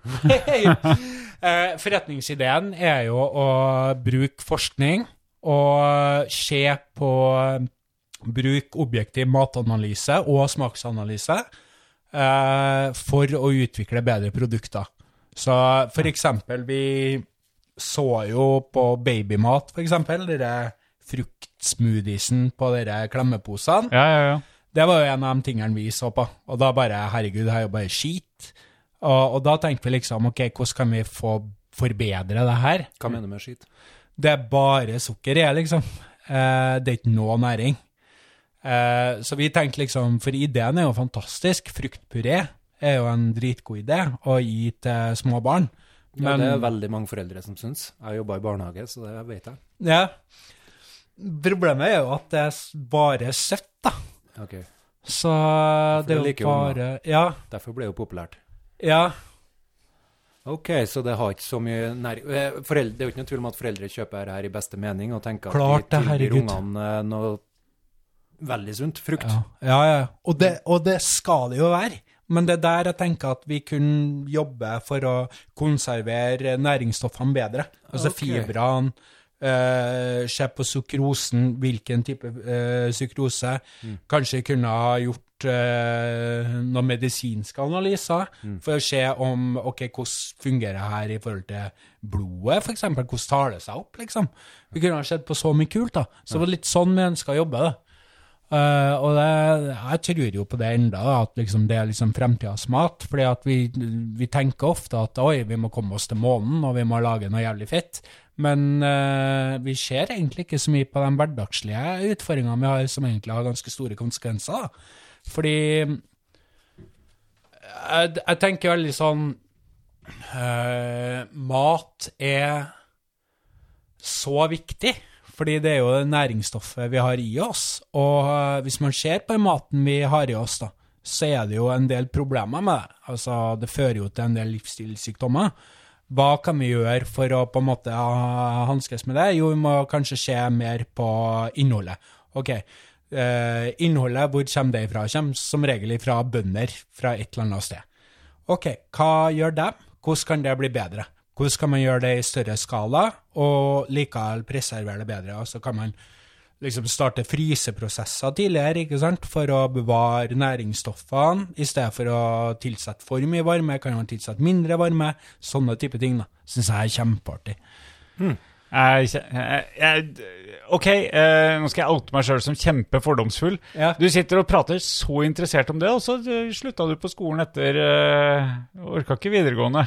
Men eh, kjempeinteressert i forskning og, og sånn. Du, Ja. eh, det Ja. Eh, Nå, nå, skal, hva- skal hva det jeg være sagt, da. Jeg har fagbrev, da. Så jeg har fullført videregående. Eh, med, så jeg har fagbrev som barne- og ungdomsarbeider. Se der! Ja, Det er jo bare å komme i barnehagen. så jeg er veldig glad i kids. Eh, tingen min var at eh, mye støy, da. ja, det, det kan det være. Ja. Ja. Så, Men forutenom det, så syns jeg unger er helt fantastisk. Det er jo fremtida, liksom. Og det vil det alltid være. Men skolesystemet passa ikke for å eh, Eller det, det stimulerte ikke de her, eh, de her eh, Den motivasjonen du har for å holde på med sci-fi foods. Ja, altså, skolesystemet eh, motiverer meg. Jeg, jobba på en barne- og ungdomsskole, og der jobba jeg med en eh, gjeng med ungdommer. Jeg fikk det her eh, som en del av lærli- lærlingetida mi, andre året, der jeg jobba med et sett med ungdommer som hadde eh, utfordringer på skolen. Og Der hadde jeg veldig mye å komme med, for jeg visste jo hvordan det var å være den kiden. Og, og se på liksom skolen og bare tenke at fy faen, det her er bare drit. Hvilken kid var du på skolen? Uh, jeg tror lærerne ga meg opp jævlig tidlig. Uh, ja, de gjorde det. Eh, September-oktober, eller mener du, nei da. mener du i sjette klassen? Eh, nei, eh, første Det her husker jeg fra skolen sjøl. Jeg husker i første klassen så fikk jeg veldig mye skryt for at jeg var veldig god på å lese. Og jeg leste som faen. Les høyt? Ja, det òg. Ja. Så jeg var veldig glad i å lese. Leste som bare juling. Andreklassen det samme. Eh, Tredjeklassen, da begynte jeg å skjønne helt greia. Og jeg vokste opp i et hjem med døve foreldre, og det å ha døve foreldre på 80-tallet var jo en greie. Har du døve foreldre? Ja, Yes. så eh, Og da Det betydde jo eksempel fra barnehagen, da, så måtte jeg forholde meg til PP-tjenesten, tror jeg de heter. Så jeg måtte liksom ta sånne intelligensprøver og alt mulig, så jeg følte jo meg som en jævla forsøkskanin, liksom, ganske tidlig, og det syns jeg egentlig var ganske kjipt. Men det syns jeg var kjipt for min egen del, for jeg deala med det, men jeg, synes, jeg så hvordan det påvirka mamma og pappa. Og det var den skuffelsen jeg syns var så jævlig vanskelig. Fordi mamma og pappa var jo helt fantastisk. De var jo kjempesnille, og mm, de gjorde nå sitt beste, liksom. Så, og jeg var veldig glad i dem. Så jeg skjønte ikke helt hvorfor de skulle være så kjipe, da. Um, og Altså, altså systemet prøvde å plukke opp om de ikke kunne gjøre jobben som de skulle gjøre, som var forventa at vanlige foreldre skulle gjøre. Ja, jeg vet ikke hva de var ute etter, egentlig. Så jeg skjønte det egentlig aldri. Jeg skjønner egentlig ikke den dag i dag. Så um, Det skal ikke så mye til. Jeg ble tatt ut av undervisninga for å lære meg alfabetet en gang, husker jeg. Det var veldig hardt for sjølfølelsen min. Ja, det skjønner jeg. Da satt jeg på et eget rom sammen med noen andre tomsinger, og, altså jeg er en tomsing, og sa A, B, C, D, E, F, G. For det ble pekt på at det var veldig viktig akkurat da. Jeg Ja. kan fortsatt ikke alfabetet på rams. Godt greit. Ja, jeg, får, jeg får det bare ikke inn. Nei, nei, Så nei. jeg må, det stopper en eller annen plass, og så må jeg tenke på nytt. Så, ja. Ja, nei, men det skjønner jeg. Kan leve videre uten å kan alfabetet på rams. Ja, fy faen. Det, det, så det skal ikke så mye til noen gang for å plukke opp at her må det litt ekstra. Men, eh, men herregud, bare tenk på Richard Branson. altså Fyren han er jo sånn kjempegründer, egentlig, som har gründa jævlig mange selskap, og sånn multimilliardær, liksom. Um, han er jo dyslektiker, og han klarer jo fint å drive selskapene, han. Ja. Og han har dyskalkuli, så han skjønner ikke tall, men han er jævla god på mye annet. da. Ja. Så vi har alle våre kvaliteter. Ja. Så, men eh, så litt av storyen min er at eh, rundt tredje-fjerde klassen så skjønte jeg liksom faen, jeg, jeg på skolen er noe sånn særlig kul, liksom. Lærerne og Ja, så, og så opp, eh, fikk vi kabel-TV hjem. Okay. Så MTV og sånne ting, ikke sant? Discovery Channel. Og, og da bare Fuck dere jævla skolen. meg- De driter i meg, jeg driter i dem. Så jeg tok eh, teksttelefonen til mamma, og så skrev jeg til skolen om at eh, Tony er syk, og kommer ikke på skolen i i en måned. Så da Når var du jeg gikk i hjem. fjerde, femte? ja, ja. Så var jeg hjem. Mamma og pappa visste ingenting. Og så fikk jeg med meg, når jeg kom på skolen endelig, så fikk jeg med meg et brev, og det lå jo i sekken min, det, så jeg ga jo ikke etter dem. Men kanskje derfor de eh, fikk litt stress da, av PP-tjenesten og sånn, fordi at jeg ga litt faen. Men eh, så rundt femteklassen, da var jeg Jeg vet ikke helt hva jeg holdt på med. Jeg var nå på skole, men jeg var absolutt ikke til stede. Jeg var liksom noen ting som, som interesserte meg, og det ble jeg jævla god på, liksom. Uh, Tordenskjold syns jeg var jævla interessant. Vikingene syns jeg var ganske kul. Uh, Og så syns jeg det var Jo, det var de to tingene. det var ikke så veldig mye. Det er imponerende hva du husker. Ja. Men du husker det du fikserte på, da? Eller det du Ja, ja, likte? Det ja. du... ja. Og så husker jeg Ikke femteklassen, faktisk. Jeg gjør ikke engang. Når jeg var tolv år, så bare ble jeg interessert i musikk. Så begynte jeg å spille i band, og da var det det som var greia mi. Så, så jeg avslutta liksom barneskolen med å synge til, for hele skolen. da. Det er jo en del lærere som faktisk husker enda. Eh, og så begynte jeg i sjuende, og da hadde jeg flytta på nytt sted. Og da var det liksom en fresh start for meg. Og så klarte jeg liksom sjuende så noenlunde ålreit. Eh, 14, begynte å røyke, begynte å drikke. I åttende? Ja, ja. Oi. Så Og gis jeg og gjorde det samme sjøl. Det var jo sånn på 90-tallet. Det var jo en litt tricky tid, da. Ja, så jeg vet ikke hvordan jeg begynte å røyke, da. Nei. Nei, så klart vet ikke jeg. Men jeg kjørte i hvert fall i Vassfjellet sammen med en eh, kompis. Og vi var rimelig imot, eh, sånn som du er på i 14-15-årsalderen. Enten så er du veldig for noe, eller så er du veldig imot noe. Jeg var veldig imot røyk.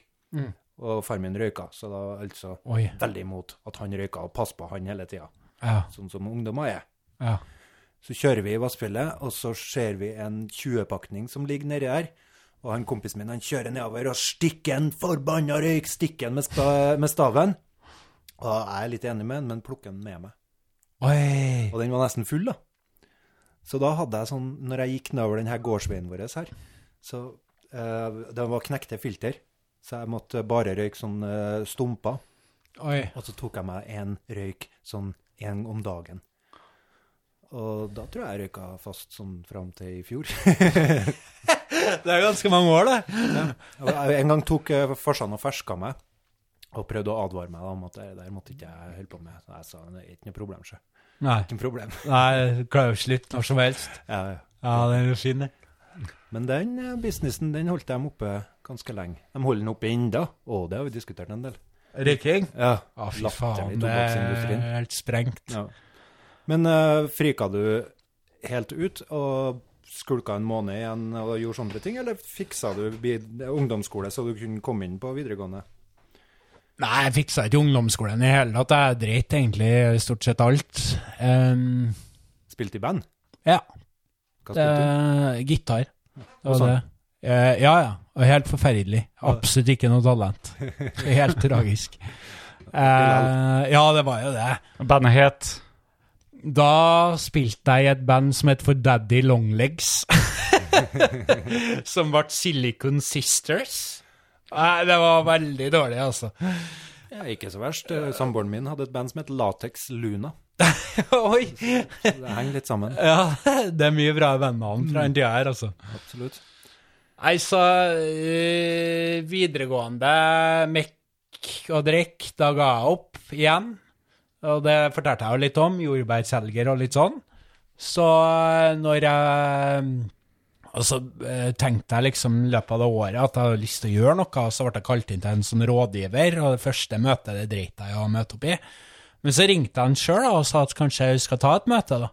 Og da kom jeg jo litt for seint. Jeg har alltid pleid å komme for seint til møtet. Jeg er ganske håpløs på det. Men da mm, etter, Men han hadde tålmodigheten til å vente, og da sa jeg at jeg har lyst til å gjøre noe, liksom. Jeg, jeg, er ikke så keen på å sitte hjemme og, og henge, liksom. Så mm, kanskje jeg skal bare prøve helse og sosial, da. Jobbe med folk, liksom. Så gjorde jeg nå det.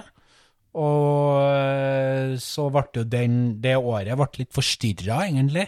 Fordi eh, jeg var litt sånn Ja, jeg var ikke så glad i skolen, egentlig, da. Da heller. så, men så hadde jeg en lærerinne som var helt fantastisk, som tok tak i meg og sa at vet du, det her får du til, du, du har jo egenskapene, du har jo skills, og du tenker jo.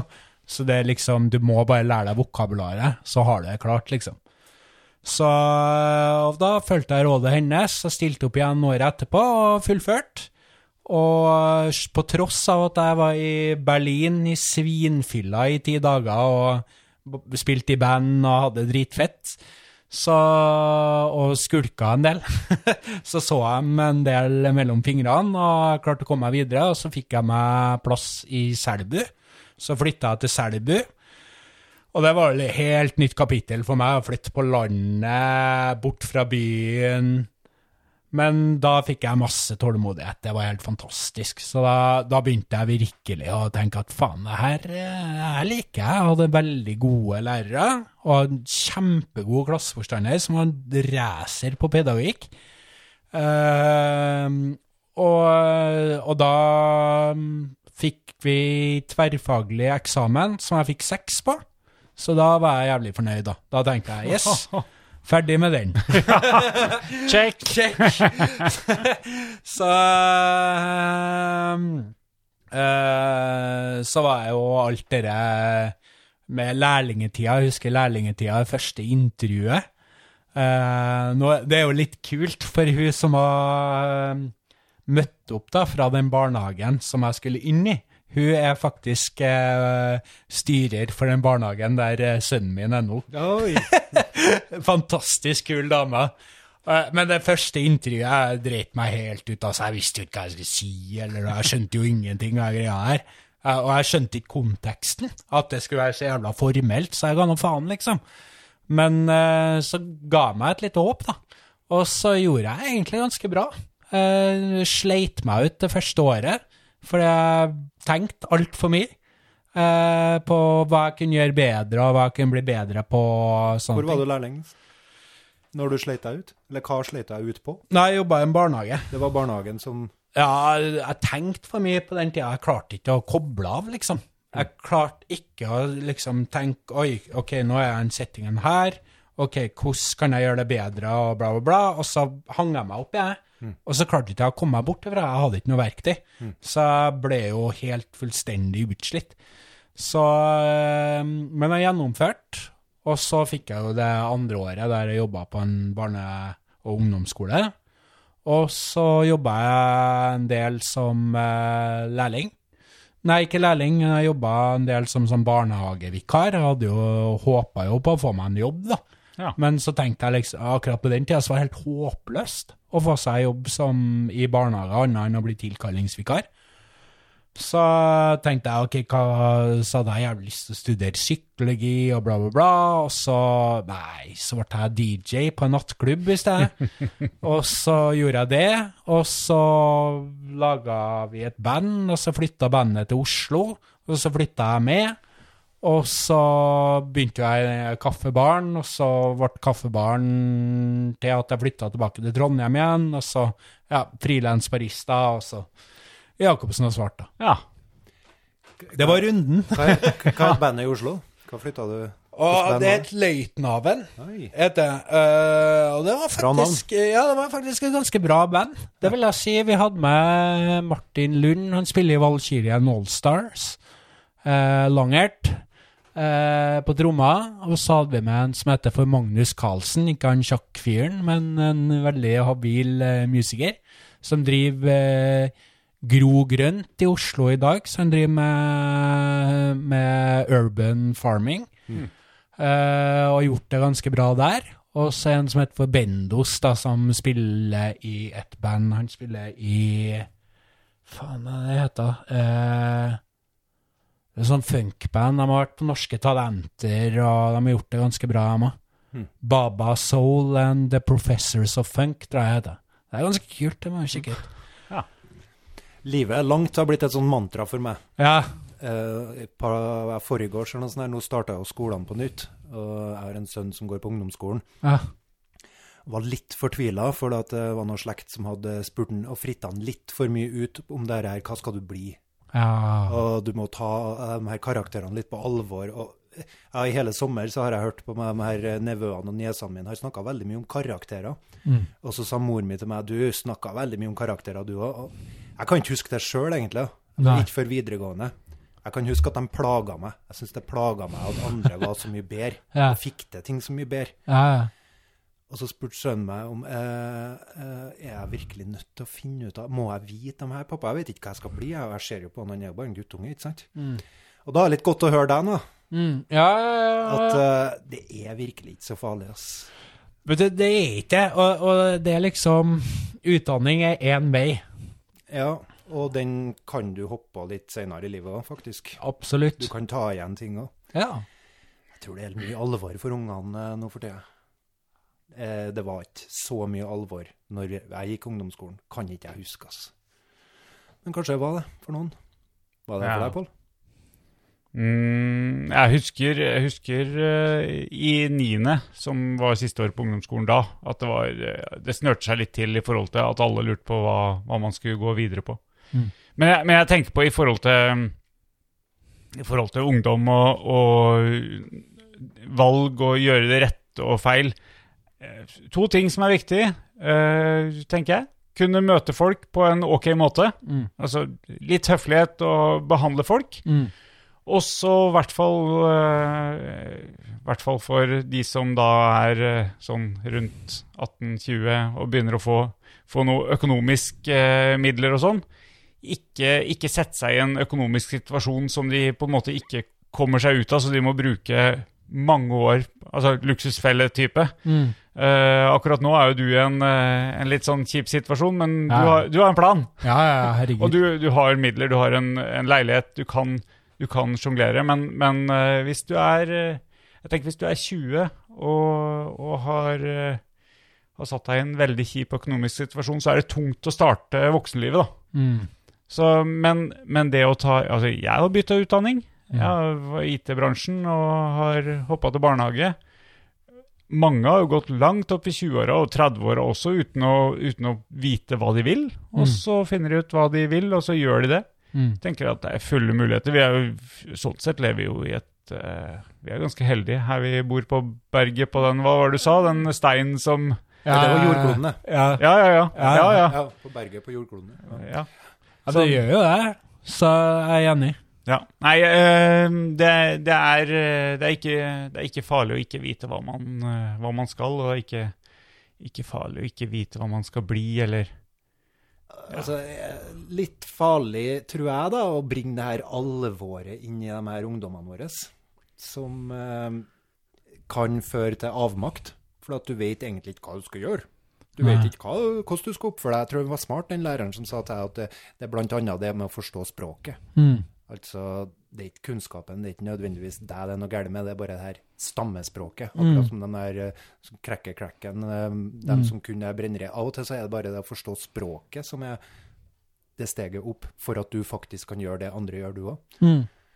Ja, det er jo sånn uh, Elon Musk, for eksempel, på Tesla. Uh, internasjonalt uh, ansetter folk på hva de er av personer, ikke noe utdanning. Så der kan du havne hvor som helst i systemet, så lenge du liksom har de rette egenskapene. Problemet med er at liksom, det er lett å tenke på at det er en veldig kul måte å gjøre det på, men det kan jo også være en dårlig måte å gjøre det på. Så det er jo helt avhengig av. Så, øh, men det er nå i hvert fall øh, noe annet. Og det syns jeg bidrar med noe godt til debatten. da. Men øh, du, du sa at du har hatt litt avstand til eh, eh, til firmaet, men har du ansatt folk, du? Ja. Eller, eh, mange, eller er det, er det daglig leder som stort sett har gjort det? Eh, frem til 2017 så er det jeg som hadde eh, ganske mye av kontrollen av hvordan personer vi ansatte. Ja. Hva var det viktigste da, da?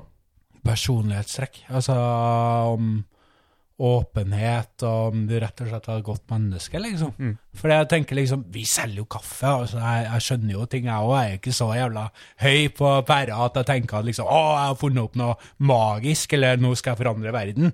Altså jeg vet at det er bitte lite bidrag til Modden har det fint med det, og syns det er koselig. Og det er det mitt lille bidrag. Det, du prøver å gjøre det så godt som mulig.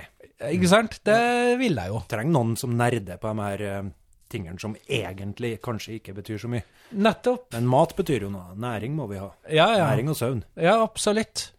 Og så har jeg jo møtt de bøndene nå som har kjøpt kaffe av, og sett hvor takknemlige de har vært for den innsatsen jeg har gjort for dem. da. Og dem har jeg jo kontakt med på Facebook enda, liksom. Bøndene. Ja, bøndene, ja. De som gror eh, kaffebærene. Hvor er hen? Etiopia? Ja, blant annet. Du har vært der? Nei, jeg dro aldri. Eh, Jeg skulle gjerne ha gjort det, men eh, her er greia mi at jeg er jævlig glad i folk. Jeg var i Seattle på en sånn kaffemesse en gang, og jeg ble jo glad i alle. Til å hjelpe alle. Og så setter jeg i gang 10 000 ideer, og så kommer jeg hjem, og så bare Faen, hvordan skal jeg få til det her, liksom? Eh, så det funker egentlig veldig dårlig for meg, da. Så jeg er nødt til å på en måte velge. Jeg må velge en annen metode. Men der har du jo litt lærdom, da, tenker jeg. Hvis du har den her personligheten som er glad i alt og alle, du kan sikkert interessere deg for det meste, Mm. så er det litt viktig å lære seg det at du er nødt til å ta tak i én ting, Ja. altså én ting om gangen. Ja, ja, ja, er herregud. Ja, Og gjerne ha en plan for dagen når du starter. ja, Det er jo jeg glad i. ja. Jeg holdt på på den tredje uka nå å komme meg inn i gjengen igjen etter den her forferdelige ferien. ja, herregud. Eh, altså ferie eh, Nei. altså ferie eh, er jo tap av rutiner for min del. Noe som ikke er så veldig positivt Mm. for min del. Så en må trekke ut noen, eh, noe lærdom av dette her òg. Du er nærmer deg de 40 du òg? ja. Jeg blir 40 neste år, jeg. Eh, så det, jeg gleder meg. Så det er ikke bare suksessene som eh, definerer viktige ting å ta med seg heller. Det, det er noen sånne trivielle ting. Men, men det jeg har lært av suksess, da, da har jeg jo lyktes i ganske mye jeg har gjort, eh, det er at suksessen fører egentlig ingen plass. Nei. Det er veien. Ja. Og det er jo de feilene der Ja. som er viktig. Altså, suksessen i seg sjøl er jo bare Altså, den er jo så kortvarig. Den, den varer ingen eh, Altså, det, det, jeg husker jo sjøl, når jeg liksom tenkte liksom faen, nå, nå skal jeg gå ifra å være bitte liten og ha all kontrollen sjøl, og hatt stålkontroll, til å plutselig involvere investorer, et radiolokale. Ok, vi skal, det her kommer til å bli veldig stor ting, mye media. Ok, hvordan skal jeg deale med her? Og liksom så mange utrolig mye variabler. Og så, og så mye ting som kan gå feil. Og så lykkes du, og så er du glad i, ja, hvis du er heldig, da, seks timer. Og så that's it, liksom. Fordi du er jo ikke noe glad. Altså, det, vi, er, vi mennesker er um, Altså, vi er jo glad, men det er ikke der vi blir glad, da. Ah, det, var litt vanskelig. Ok, jeg skal prøve å retenke hvordan jeg skal konstruere det. Vi jager etter denne suksessen hele tida. Vi Ja. jager etter denne her lille den toppen fje, som skal liksom da løse alt. Men så ligger egentlig løsninga i veien. Altså hvordan vi gjorde det hver dag. Ja, Hvordan vi, ja, ja. hvordan vi løste dagene våre hverdagen, tenker jeg. Det, det mest fortalte setninga, det her har jeg lest, eh, var, var det mest brukte setninga i 50-, 60-, 70-årslag i Norge, Jeg er spent. er eh, alle de dagene som kom og gikk, lite visste jeg at det var livet. Det er den vanligste setningen å si. Og, og kanskje er det et turning point da når vi blir 50, om at vi kanskje skjønner at oi, det var jo de dagene som telte. Mm. Hvordan skal vi måle, da? Eh, og så er det jo noe med Jeg tror da, jeg er veldig glad i hjernevitenskap. Jeg er veldig glad i, i filosofi, og er veldig glad i liksom hvordan vi oppfatter ting. og for eksempel, jeg, jeg tror ikke at liksom mennesker er ond og en eh, er god. Jeg, jeg tror vi liksom Det er så situasjonsbetinga, og det kommer an på hvem som skjer, og hvordan det skjer, og så er det kulturelle forskjeller, og det er masse variabler, da. uh, som står i veien for hvordan vi kan se det helt objektivt, altså om vi skal ha et stoisk perspektiv på det, eller om vi skal velge et emosjonelt perspektiv. Altså, det er jo litt hvordan vi velger hvordan perspektiv vi skal se på. Og så kommer det store greia, som jeg glemte. Nei ja. er jo at jeg, jeg tror at liksom vi mennesker i utgangspunktet er Vi er konstruert sånn. Vi, vi, vi vil hele tida forberede ting. Altså, vi hadde kommet til å ha bodd i hula og slått hverandre med klubber hvis vi ikke har ønska å forbedre tilværelsen. Og det er noe av det viktigste vi gjør, er jo egentlig å være litt misfornøyd. Fordi det skaper målet om at vi skal bli fornøyd en dag. For hvis de bare Jeg tror liksom Når jeg har meditert veldig mange år, Og jeg har tenkt veldig mye på liksom, når er man egentlig fornøyd, når er, man egentlig glad? Og, og jeg tror liksom Jeg tror dem som stikker på Himalaya-fjellet og sitter i bleie, liksom, og bare sitter der og liksom mediterer med øynene i kryss, liksom, jeg tror ikke det er veien å gå til lykke. Fordi at for det første, du har fraskrevet alt ansvar. Du sitter på et fjell. Altså, hvem som helst kan jo tilnærme seg hva som helst på det fjellet, for du har jo ingen andre variabler. Det er ingenting som kan påvirke deg. Du er jo helt bort fra samfunnet. Men pælm en person som har meditert, eller ønsker å meditere, inn i en hverdagssituasjon med unger som hyler og skriker, og de skal på barnehage, og de skal ha is og alt mulig. Det er da vi snakker om å finne balanse. Hvordan faen skal vi balansere det? Og det er jo en kjempeutfordring. Og det er jo der jeg tror vi mennesker lykkes egentlig veldig godt med å finne løsninger. For det gjør vi. Vi er jo kjempegode på det. Og det er der jeg tror det finnes en del lykke. At vi er gode på liksom, ok, når ungen gjør det, så har vi et triks for å fikse det problemet. Hvis de hyler for at de ikke vil inn i barnehagen, så vet vi at ok, hvis, hvis du er flink nå og går i barnehagen eh, resten av uka her, så skal du få dra på pirbadet på lørdagen, liksom. Vi finner gode løsninger. Og det syns jeg er god motivasjon, da. Å, å finne gode løsninger, liksom. Det gjør meg glad. Men når den gode løsninga blir ødelagt av et eller annet, og du ikke takler det, ja, da bør du ha et enda et for, en forsvars... da må du ha en slags sånn styrke da, til å takle all den her dritten som skjer, som ødelegger for alle de gode løsningene du hadde sett for deg, Ja. som skulle løse ting. Det er min store utfordring, eh, og det tror jeg er ganske mange sin utfordring. En eh, Nå tok jeg et kikk opp på klokka her. Ja, og, og jeg, jeg har sittet og lurt på nå Hvordan runder vi av nå, Øystein? Eh, Nok søvn er en av mine Ja, eh, og, ja. kjepphester nå. skal vi sove? Ja, jeg skal sove Nå prøver jeg å uppe til sju timer. Oh, ja. Sju timer er et sånt mål for meg nå, å sove. Jeg er blitt så utrolig lat i ferien. Det er og Du aner ikke. Det er godt med soving. Forferdelig latskap. Altså. Jeg starta så bra, du aner ikke. Opp tidlig og gikk tur, og nå ligger jeg og purker og sover til klokka er åtte noen ganger. Men nå, nå, nå, skal, nå skal hele resten av podkasten handle om å avslutte denne episoden her. Ok. Ja. Best mulig. Ja. Ja, Eh, vi skulle ha gjerne hatt noen sånne tips til spør...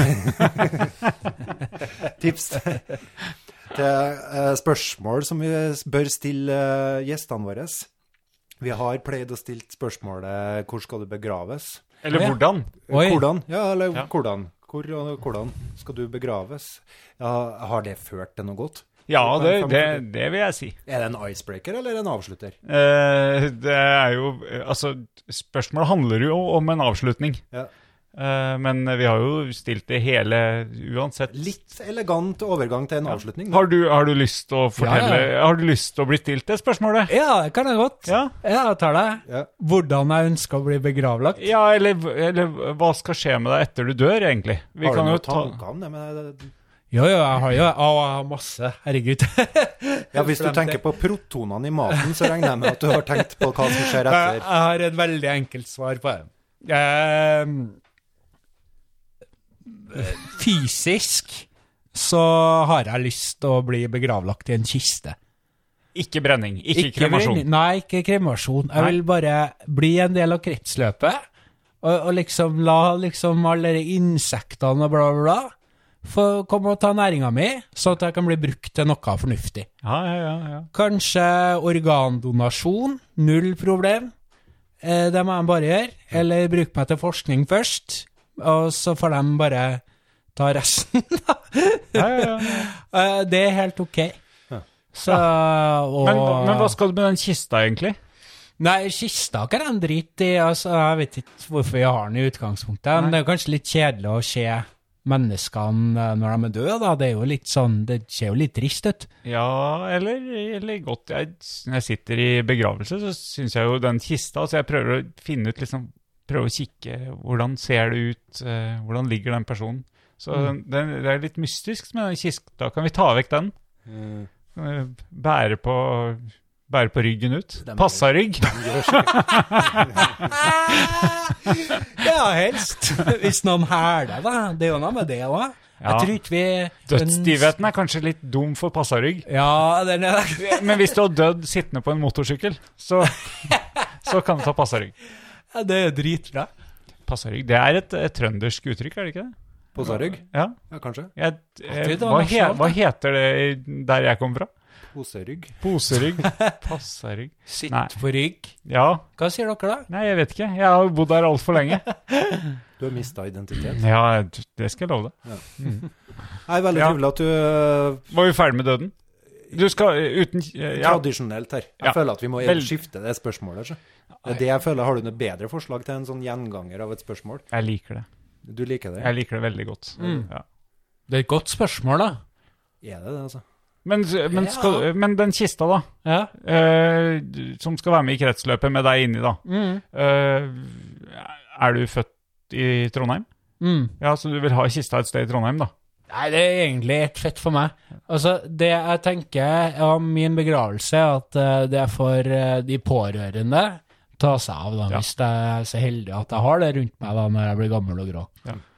Så Det det Og det håper jeg jo. Ja. Ja. Det håper vi òg. Du håper å bli gammel og grå? Ja, ja. ja og jeg satser på å bli 100, altså. 100? Ja. Eh, Det ønsker jeg. Jeg har lyst til Jeg er litt for glad i livet her, Hva altså. er, det, hva er det du skal gjøre når du er 95? Da har jeg lyst til å prøve dop.